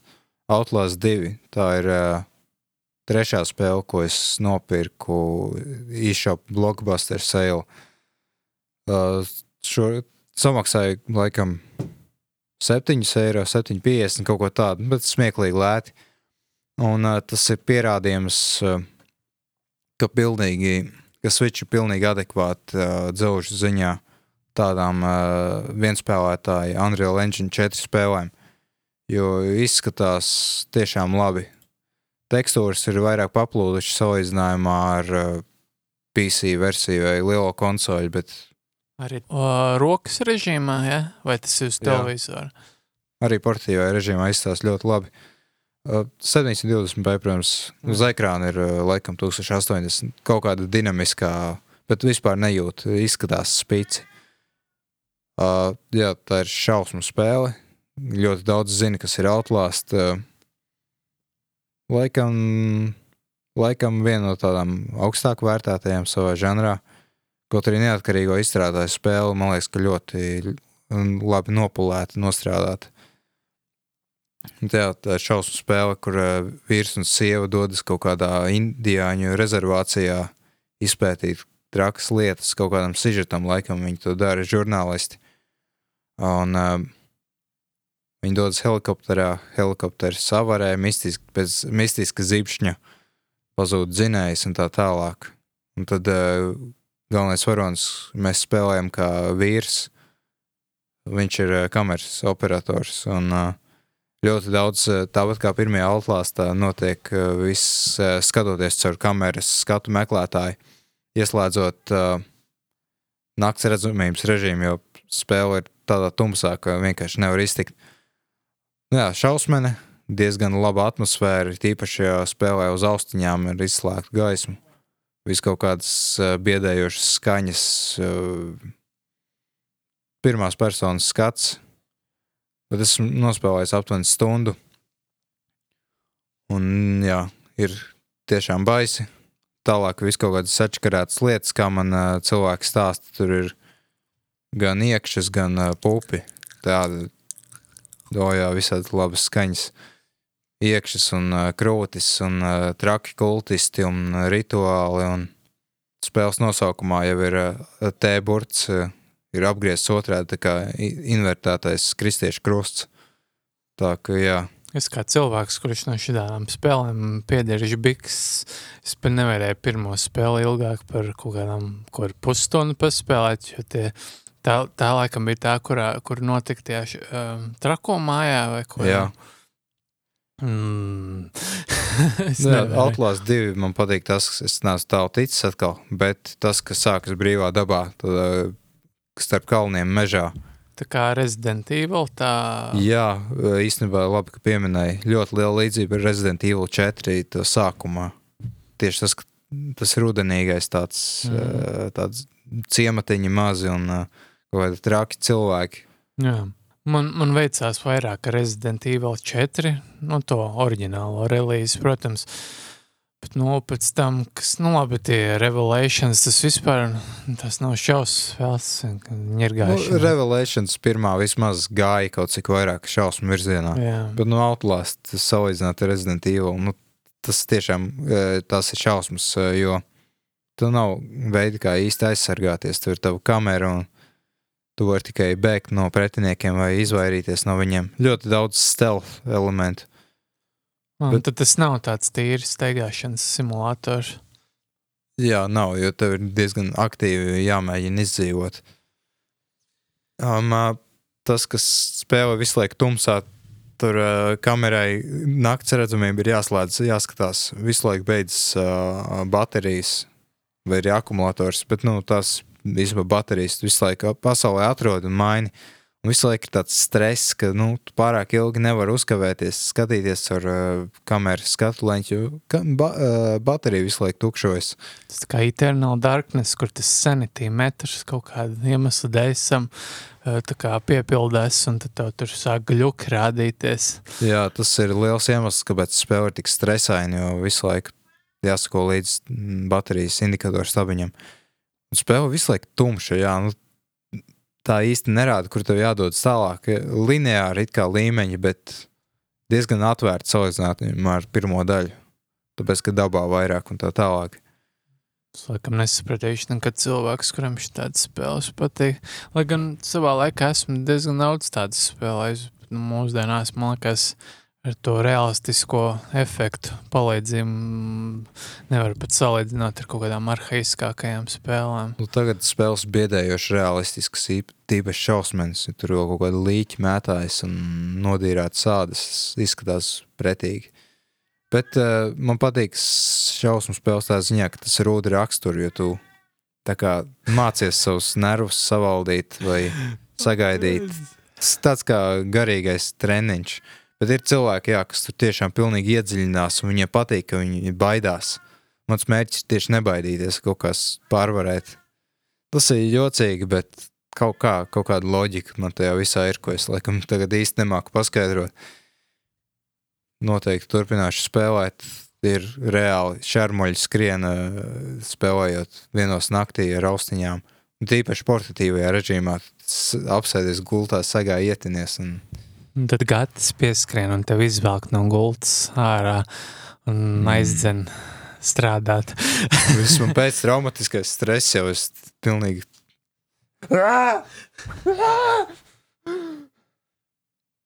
Labi, iedzēru nervu zāles, tagad pēc nelielas pauzes viss kārtībā. Es nezinu, par ko mēs. Vien, ka tas ir viss, kas spēlēts. Nu, mēs tā arī nekad neierakstījām otro daļu savai eh, Red Dead Redemption 2 diskusijai, ko es šodien īstenībā noklausījos darba laikā, laižot luni kaut kā. Vienlaikus mēģinot apvienot divas lietas. Par ko mēs diskutējam? Uh, bija tā, ka toreiz bija kaut kur trešajā nodaļā, es jau biju sastajā. Bet, ko es gribēju teikt, ka nu, Red Dead Redemption 2 turpināja saglabāt savu kvalitāti. Visi tie pozitīvie iespaidi, kas bija, uh, tie bija arī spēles beigās. Tikai pamatīgi kaitināja visas tās vadības problēmas, uh, animācijas problēmas, uh, ir īpaši Sendenī pilsētā, kur tu nonāci 4. nodaļā kaut kur. Tas bija Jā, rītīgi. ka tev sanāk netiešām policistam iekraut vai kaut ko. Jā, vai es likt eh, zirgam eh, galopot un notriekt kaut kādu cilvēku. Jā, man visu laiku bija, es atceros to lietu, ka nu, divās no trim šīs pilsētas apmeklējuma reizēm man bija beidzās ar laikam visaugstāko meklētības to līmeni, un nācās bēgt no kādiem tur maršaliem un šerifiem, tur, kas man tur armijā vienkārši nu, pat atšaudīties nebija iespējams. Salīdzinot ar GTA, šeit policija riktīgi nereāli uzvarēja. Bet es brīnos, ka man to moralitātes stabiņu, varbūt es maldos, bet bija tāda vieta, kur bija jāatšaudās no policistiem, pat no tramvaja. Jā, Varbūt man atceries. liekas, kaut kas tāds bija. Jā, tur, kur laikam vajadzēja nošaut to olīri, to vai kā sauc. To? kaut kāds uzmetējs bija jānošauj, jā, un tur bija baigā episkā traukšanās cauri visai pilsētai. Jā. Kā tev, kā tev kopēji iespēja? Tu vēl turpināji kaut kādām blakus lietām nodarboties, tu? Jā, es izpildīju ar Artūru visu, ko vien varēju izpildīt. Un jā, es tā kā ļoti, man tas stāsts tā kā ļoti, ļoti paķēra beigās ir īpaši, kas tur notika, tā kā, lai nebojātu, bet, nu, man pat asari noticēja par to, Jā. Kas tur norisinājās. Nu, ir īpaši, ja ir labais Artūrs, nevis tas, bet lai gan tas iznākums nemainās no tā diži, bet vienkārši tas, kā tiek pasniegts, tas, tas mainās. Nu, mans viedoklis visai pozitīvs par šo spēli. Uh, jā, ja neskaitās tehniskās problēmas, tur tās animācijas nereāli garās, kur tās ādas dīrā un visu šo te Mm. praktiski tos dzīvniekus no, nomedīt arī pietiekami augstā kvalitātē ir te neiespējami, ja īpaši netrenējies. Jā, kas, jā, spēle ir gara, es teiktu pārāk gara, it īpaši, nu, lai nebojātu to stāstu tajā pēdējā, es nezinu, vai tas, tas, tā, tas beigu posms sastāda trešo daļu no spēles vai nē, laikam nē, tur laikam ceturdaļa drīzāk ir. Ā, tu domā to beigu posmu. Jā, jā, pēc tam, pēc, pēc, pēc viena perioda stāstā. Man tas likās pārsteidzoši garš. Jā, jā. Ne, es laikam sākumā nu, priecājos, jā, ka spēle ar to nebeidzās, bet pēc tam, nu, ņemot vērā, ka tās beigas nebija sevišķi interesantas, salīdzinot ar to stāstu līdz tam, man liekas, ka, nu, jā, viņi paši kaut kā sev iešāva kājā ar to, lai gan, nu, man nebija tās lielākoties problēmas, ko cilvēki tur sauc, nu, ar to overengineering, tur, nu, man nebija, man patīk, tas, es biju riktīgi, im, im, nu, tajā kauboja, tajā Iegrimi pasaulē. Jā, jā, jā, jā. Lai gan es esmu laikam viens no tiem desmit cilvēkiem, kur, nu, uz kur nostrādājis, laikam bija tā īstā tā auditorija tai spēlē. Jā, es domāju, ka pagājušās desmit gadus viens no tādiem spožākajiem punktiem laikam. Vai arī šī arī vēl skaitās pagājušā desmit gada. Es nezinu, kā tur sāk skaitīt dekādas. Nu jā, bet tas arī viss no kas spēlēts, un mēs esam norunājuši pusotru stundu, bet nu, tagad beidzot esam ierunājušies, jo sākās ļoti gausi. Tā ir jākačā savu podkāstu muskuļi. Zinātnieki ir atklājuši, ka arī tādi ir atrodas kaut kur sežamvietas reģionā, bet tie ir jākustina, lai varētu runāt normāli. Tur būs daudz jāgraiza, lai sanāktu kaut kas dzirdams, bet Ne jau to pēcpusi. jā, podkāstu. Pēc amfetamīna pauzes esam atpakaļ, lai ar īpašu enerģiju, ar īpašu pacilātību uzņemtu jūsu jautājumus. Jā, ir pusdesmit vakarā, un mums vajadzēja šo pauzīt. Jā, šī mums ir divi jautājumi. Divi. Es ceru, ka tikai tādēļ, ka mēs par vēlu iedomājamies, iedomājāmies jūs par to pabrīdināt. Bet būsim reāli, tas nav tāpēc, tas vienkārši tāpēc, ka nav cilvēku, kuriem rūp. Nu, es, es būšu šoreiz tas good cops, nē, bet nice cop, nē, good cop. Un tu būsi bad cops, un es vienkārši būšu pozitīvais tēls. Atzīst, tu to izdarītu. Nu, taču atzīst, nu, ko mēs te laiku tērēsim. Nu, taču pasaki vienreiz, jā, tu esi vainīgs. Vai, par ko mēs runājam? Tā. Nu, Gan laikam atcerējās 80. gadus, kad uh, viņš vēl bija stūra mājā nodarbināts. Nu jā, tad mums ir divi jautājumi, kā jau es teicu. Tad pirmais ir jau no minētā Mareka. Tad One Punch Man otrās sezonas nav Netflix. Netflix. Kā? Kāpēc? Kad būs? Ar nepacietību gaidu sīku situācijas analīzi no manis. No Fenfena. Es gribētu pieminēt, ka Bandai Namko man liekas, ka piedāvā jau, ka var dabūt One Punch Man 2. Es nezinu, kaut kāda spēle, kas saistīta ar One Punch Man, bet man liekas, Mhm. neviens no mums nav tāds anime otaku, tā teikt, lai kaut ko tādu uzņemtos. Nu jā, re, kur, re, kur jau tev cilvēks piedāvā. Es domāju, ka viņam varētu arī mēģināt iesmērēt, apskatīt šo spēli. Jā, es patiesībā, Jā, One Punch Man, jā, īstenībā, jā. Es ar, es ar sievu noskatījām, mēs ar sievu noskatījāmies pirmo sezonu pilnībā. Sākām skatīties otro, cik tur sērijas mēs noskatījāmies. Septiņas, laikam. Liekas, ka mēs visu noskatījāmies. Mēs līdz beigām Ah, pareizi, jā, es abas, nu tad senāk, jā, jā, mēs abas sezonas noskatījāmies, tā kā salīdzinot pirmo ar otro sezonu, pirmā ir noteikti daudz labāk, otrā ir pārāk tāda dramatiski nevajadzīga, ņemot vērā, ka tas ir tāds uz absurdu satīru vērsts, tā kā anim, animācija, nu, nu, man, es teikšu godīgi, man nepatīk otrā sezona, es domāju, ka man sieva tam arī piekrīt, ka, nu, bija atsevišķi momenti, kas bija smieklīgi un tā, tā nu, atgriez tā kā ticība. Bet, nu, jā. Bet kā, kādēļ, kādēļ nav Netflixā? Nu, es varu pateikt to, ka arī pirmā sezona nebija laikam pirmos divus vai trīs gadus pieejama Netflixā līdz laikam 18. gadam. Nu, tas visticamāk saistāms ar to, ka nav dublējums angļu valodā pirmām kārtām, otrām kārtām, ka Netflix nav ieguvis tiesības uz šo otro sezonu, jo visticamāk, ka, ja es pareizi atceros Japāņu animācijas sindikāciju, tad uh, vispirm, pirmām kārtām ir uh, simulkāsts. Tie, kuri skatās animes, tie zina, ka simulkāsts ir uh, par to sauc uh, to, ka tiek izlaista jauna sērija reizi nedēļā, un to rāda ierobežots skaits pavairotāju. Pirmām kārtām Japāņu televīzija, otrām kārtām ir rietumos, un vienīgais kanāls, kas rietumos, nu labi, ir divi kanāli, kas rietumos tā kā piedāvā simul, sim, simulcastus, ir uh, Fu- Funimation un uh, Crunchyroll. Uh, jā, es pat esmu dzirdējis, kas tie tādi ir. nu jā, es Crunchyrollā mēs arī bijām noskatījāmies to otro sezonu. Es pieļauju, ka šobrīd notiek dublēšanas process, jo man liekas, ka otrā sezona beidzās kaut kur pirms rudens, kaut kur augustā, ja pareizi atceros, jā.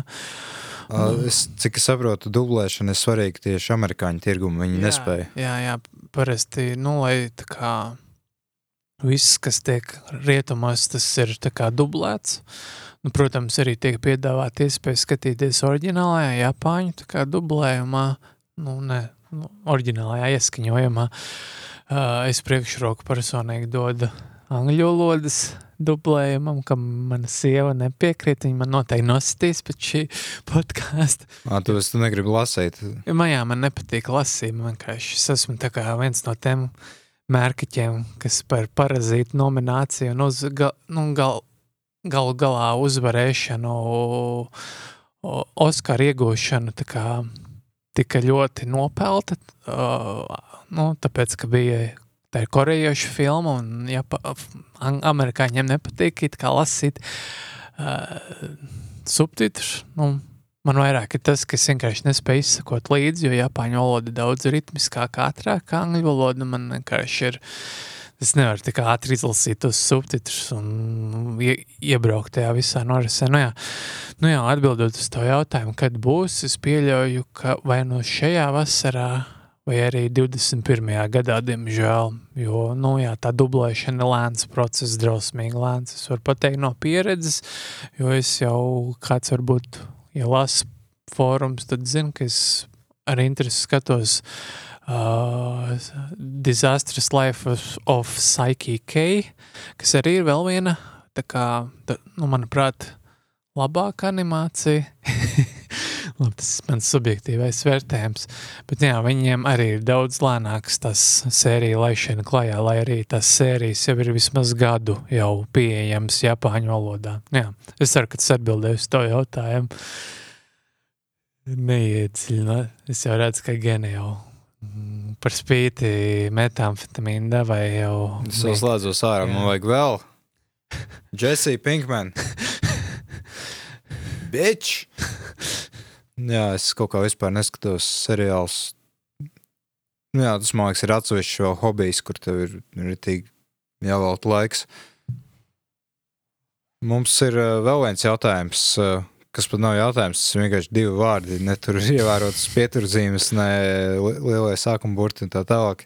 Bet mēs pieņemsim, ka tas ir jautājums. Jā, rakstīts Sonika raksta ar Y. Straika nākotne. Jā, šī ir straika nākotne, laikam. Tad atkal spēlējot labo un slikto kruķi. Nu, man liekas, ka diži labāk nepaliks. Mums te bija viena situācija, ko droši vien pamanījāt.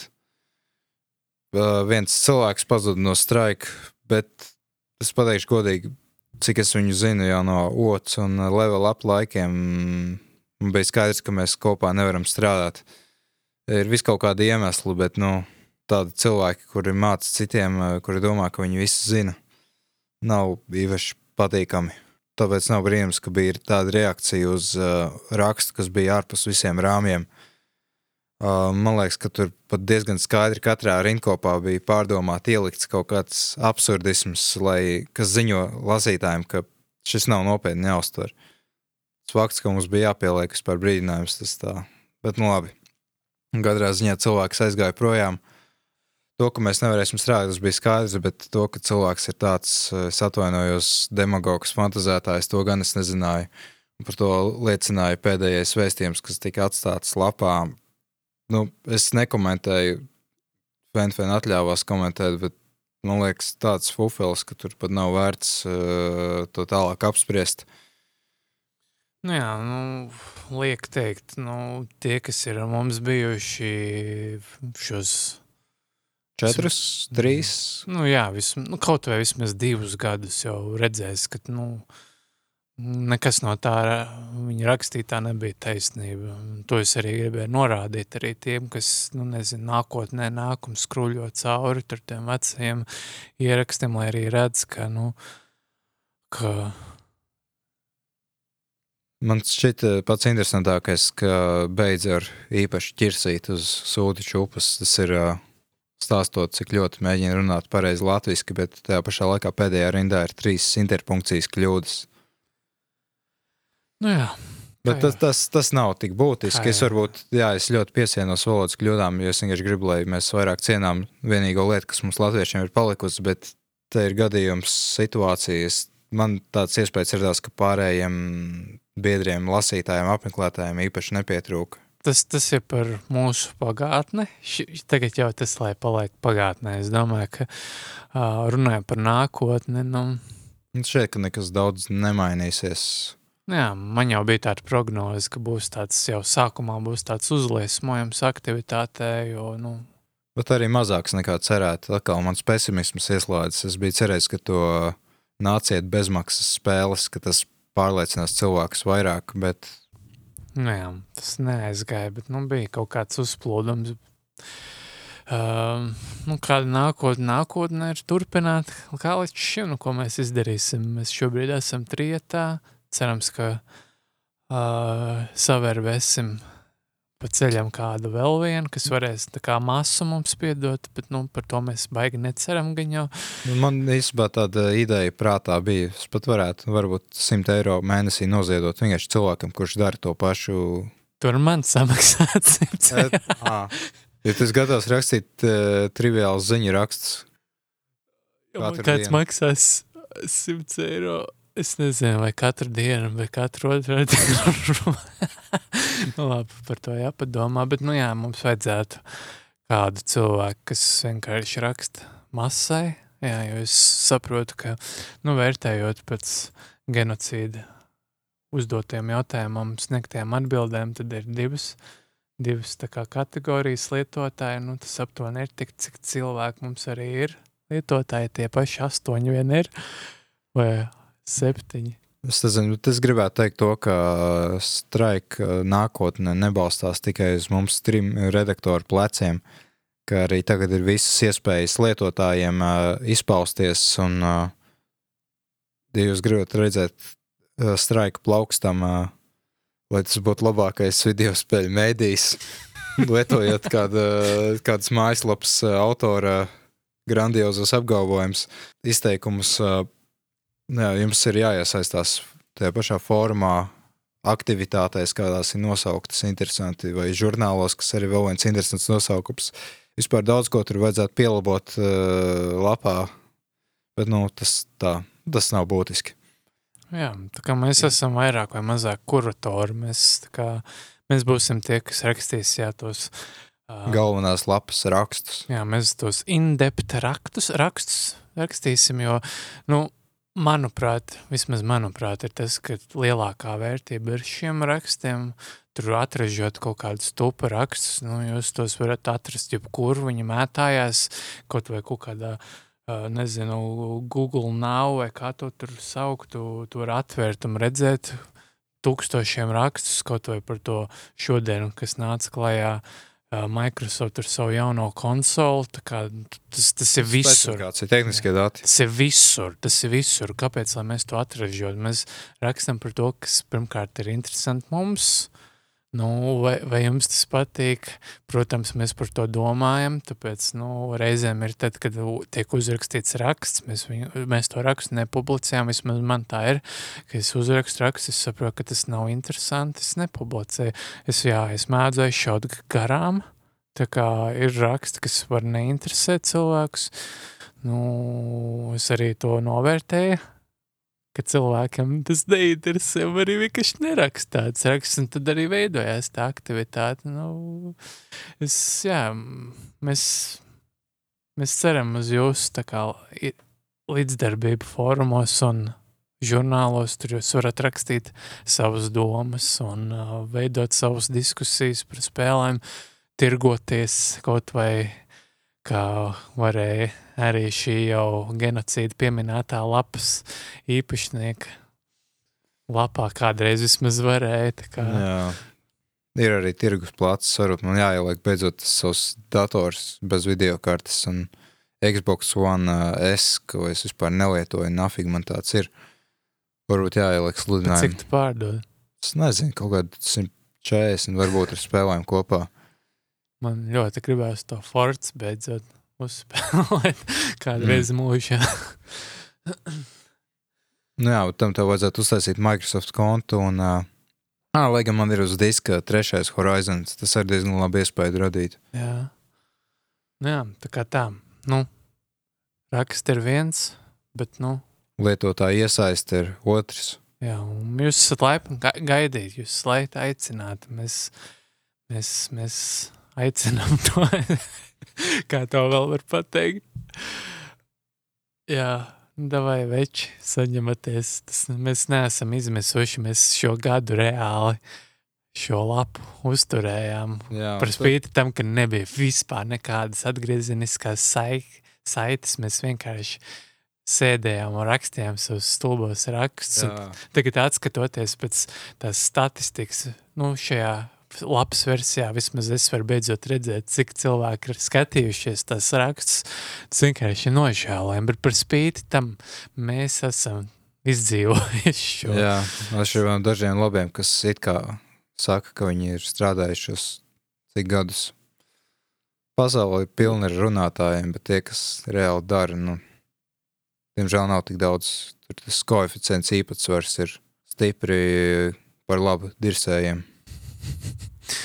Nu jā, tā konkrētā ir par nākotni. Tagad mēs tikai varam sākt domāt par to nākotni, jo mums beidzot tikko puslīdz funkcionējoši lapa. Līdz šim mēs vienkārši tā kā damage control tajā režīmā strādājam. Tagad mēs varam tikai atkal atgriezties pie tā, kas jau bija procesā pirms gada, un tas nav labs Mums, mums pat laikam ir jās, nu, jāuzbūvē atpakaļ sevi līdz tam, kas mums vispār bija tajā pirms gada. Jo Jā. mums ir mazāk lietotāji, kā bija iepriekš, mazāk pat mazāka aktivitāte. Pat tas, kas mums bija, bija ļoti maz, bet mums vēl, vēl mazāka aktivitāte. Tāpēc mums vismaz jātiek atpakaļ līdz tam, ko mēs panāt, panācām.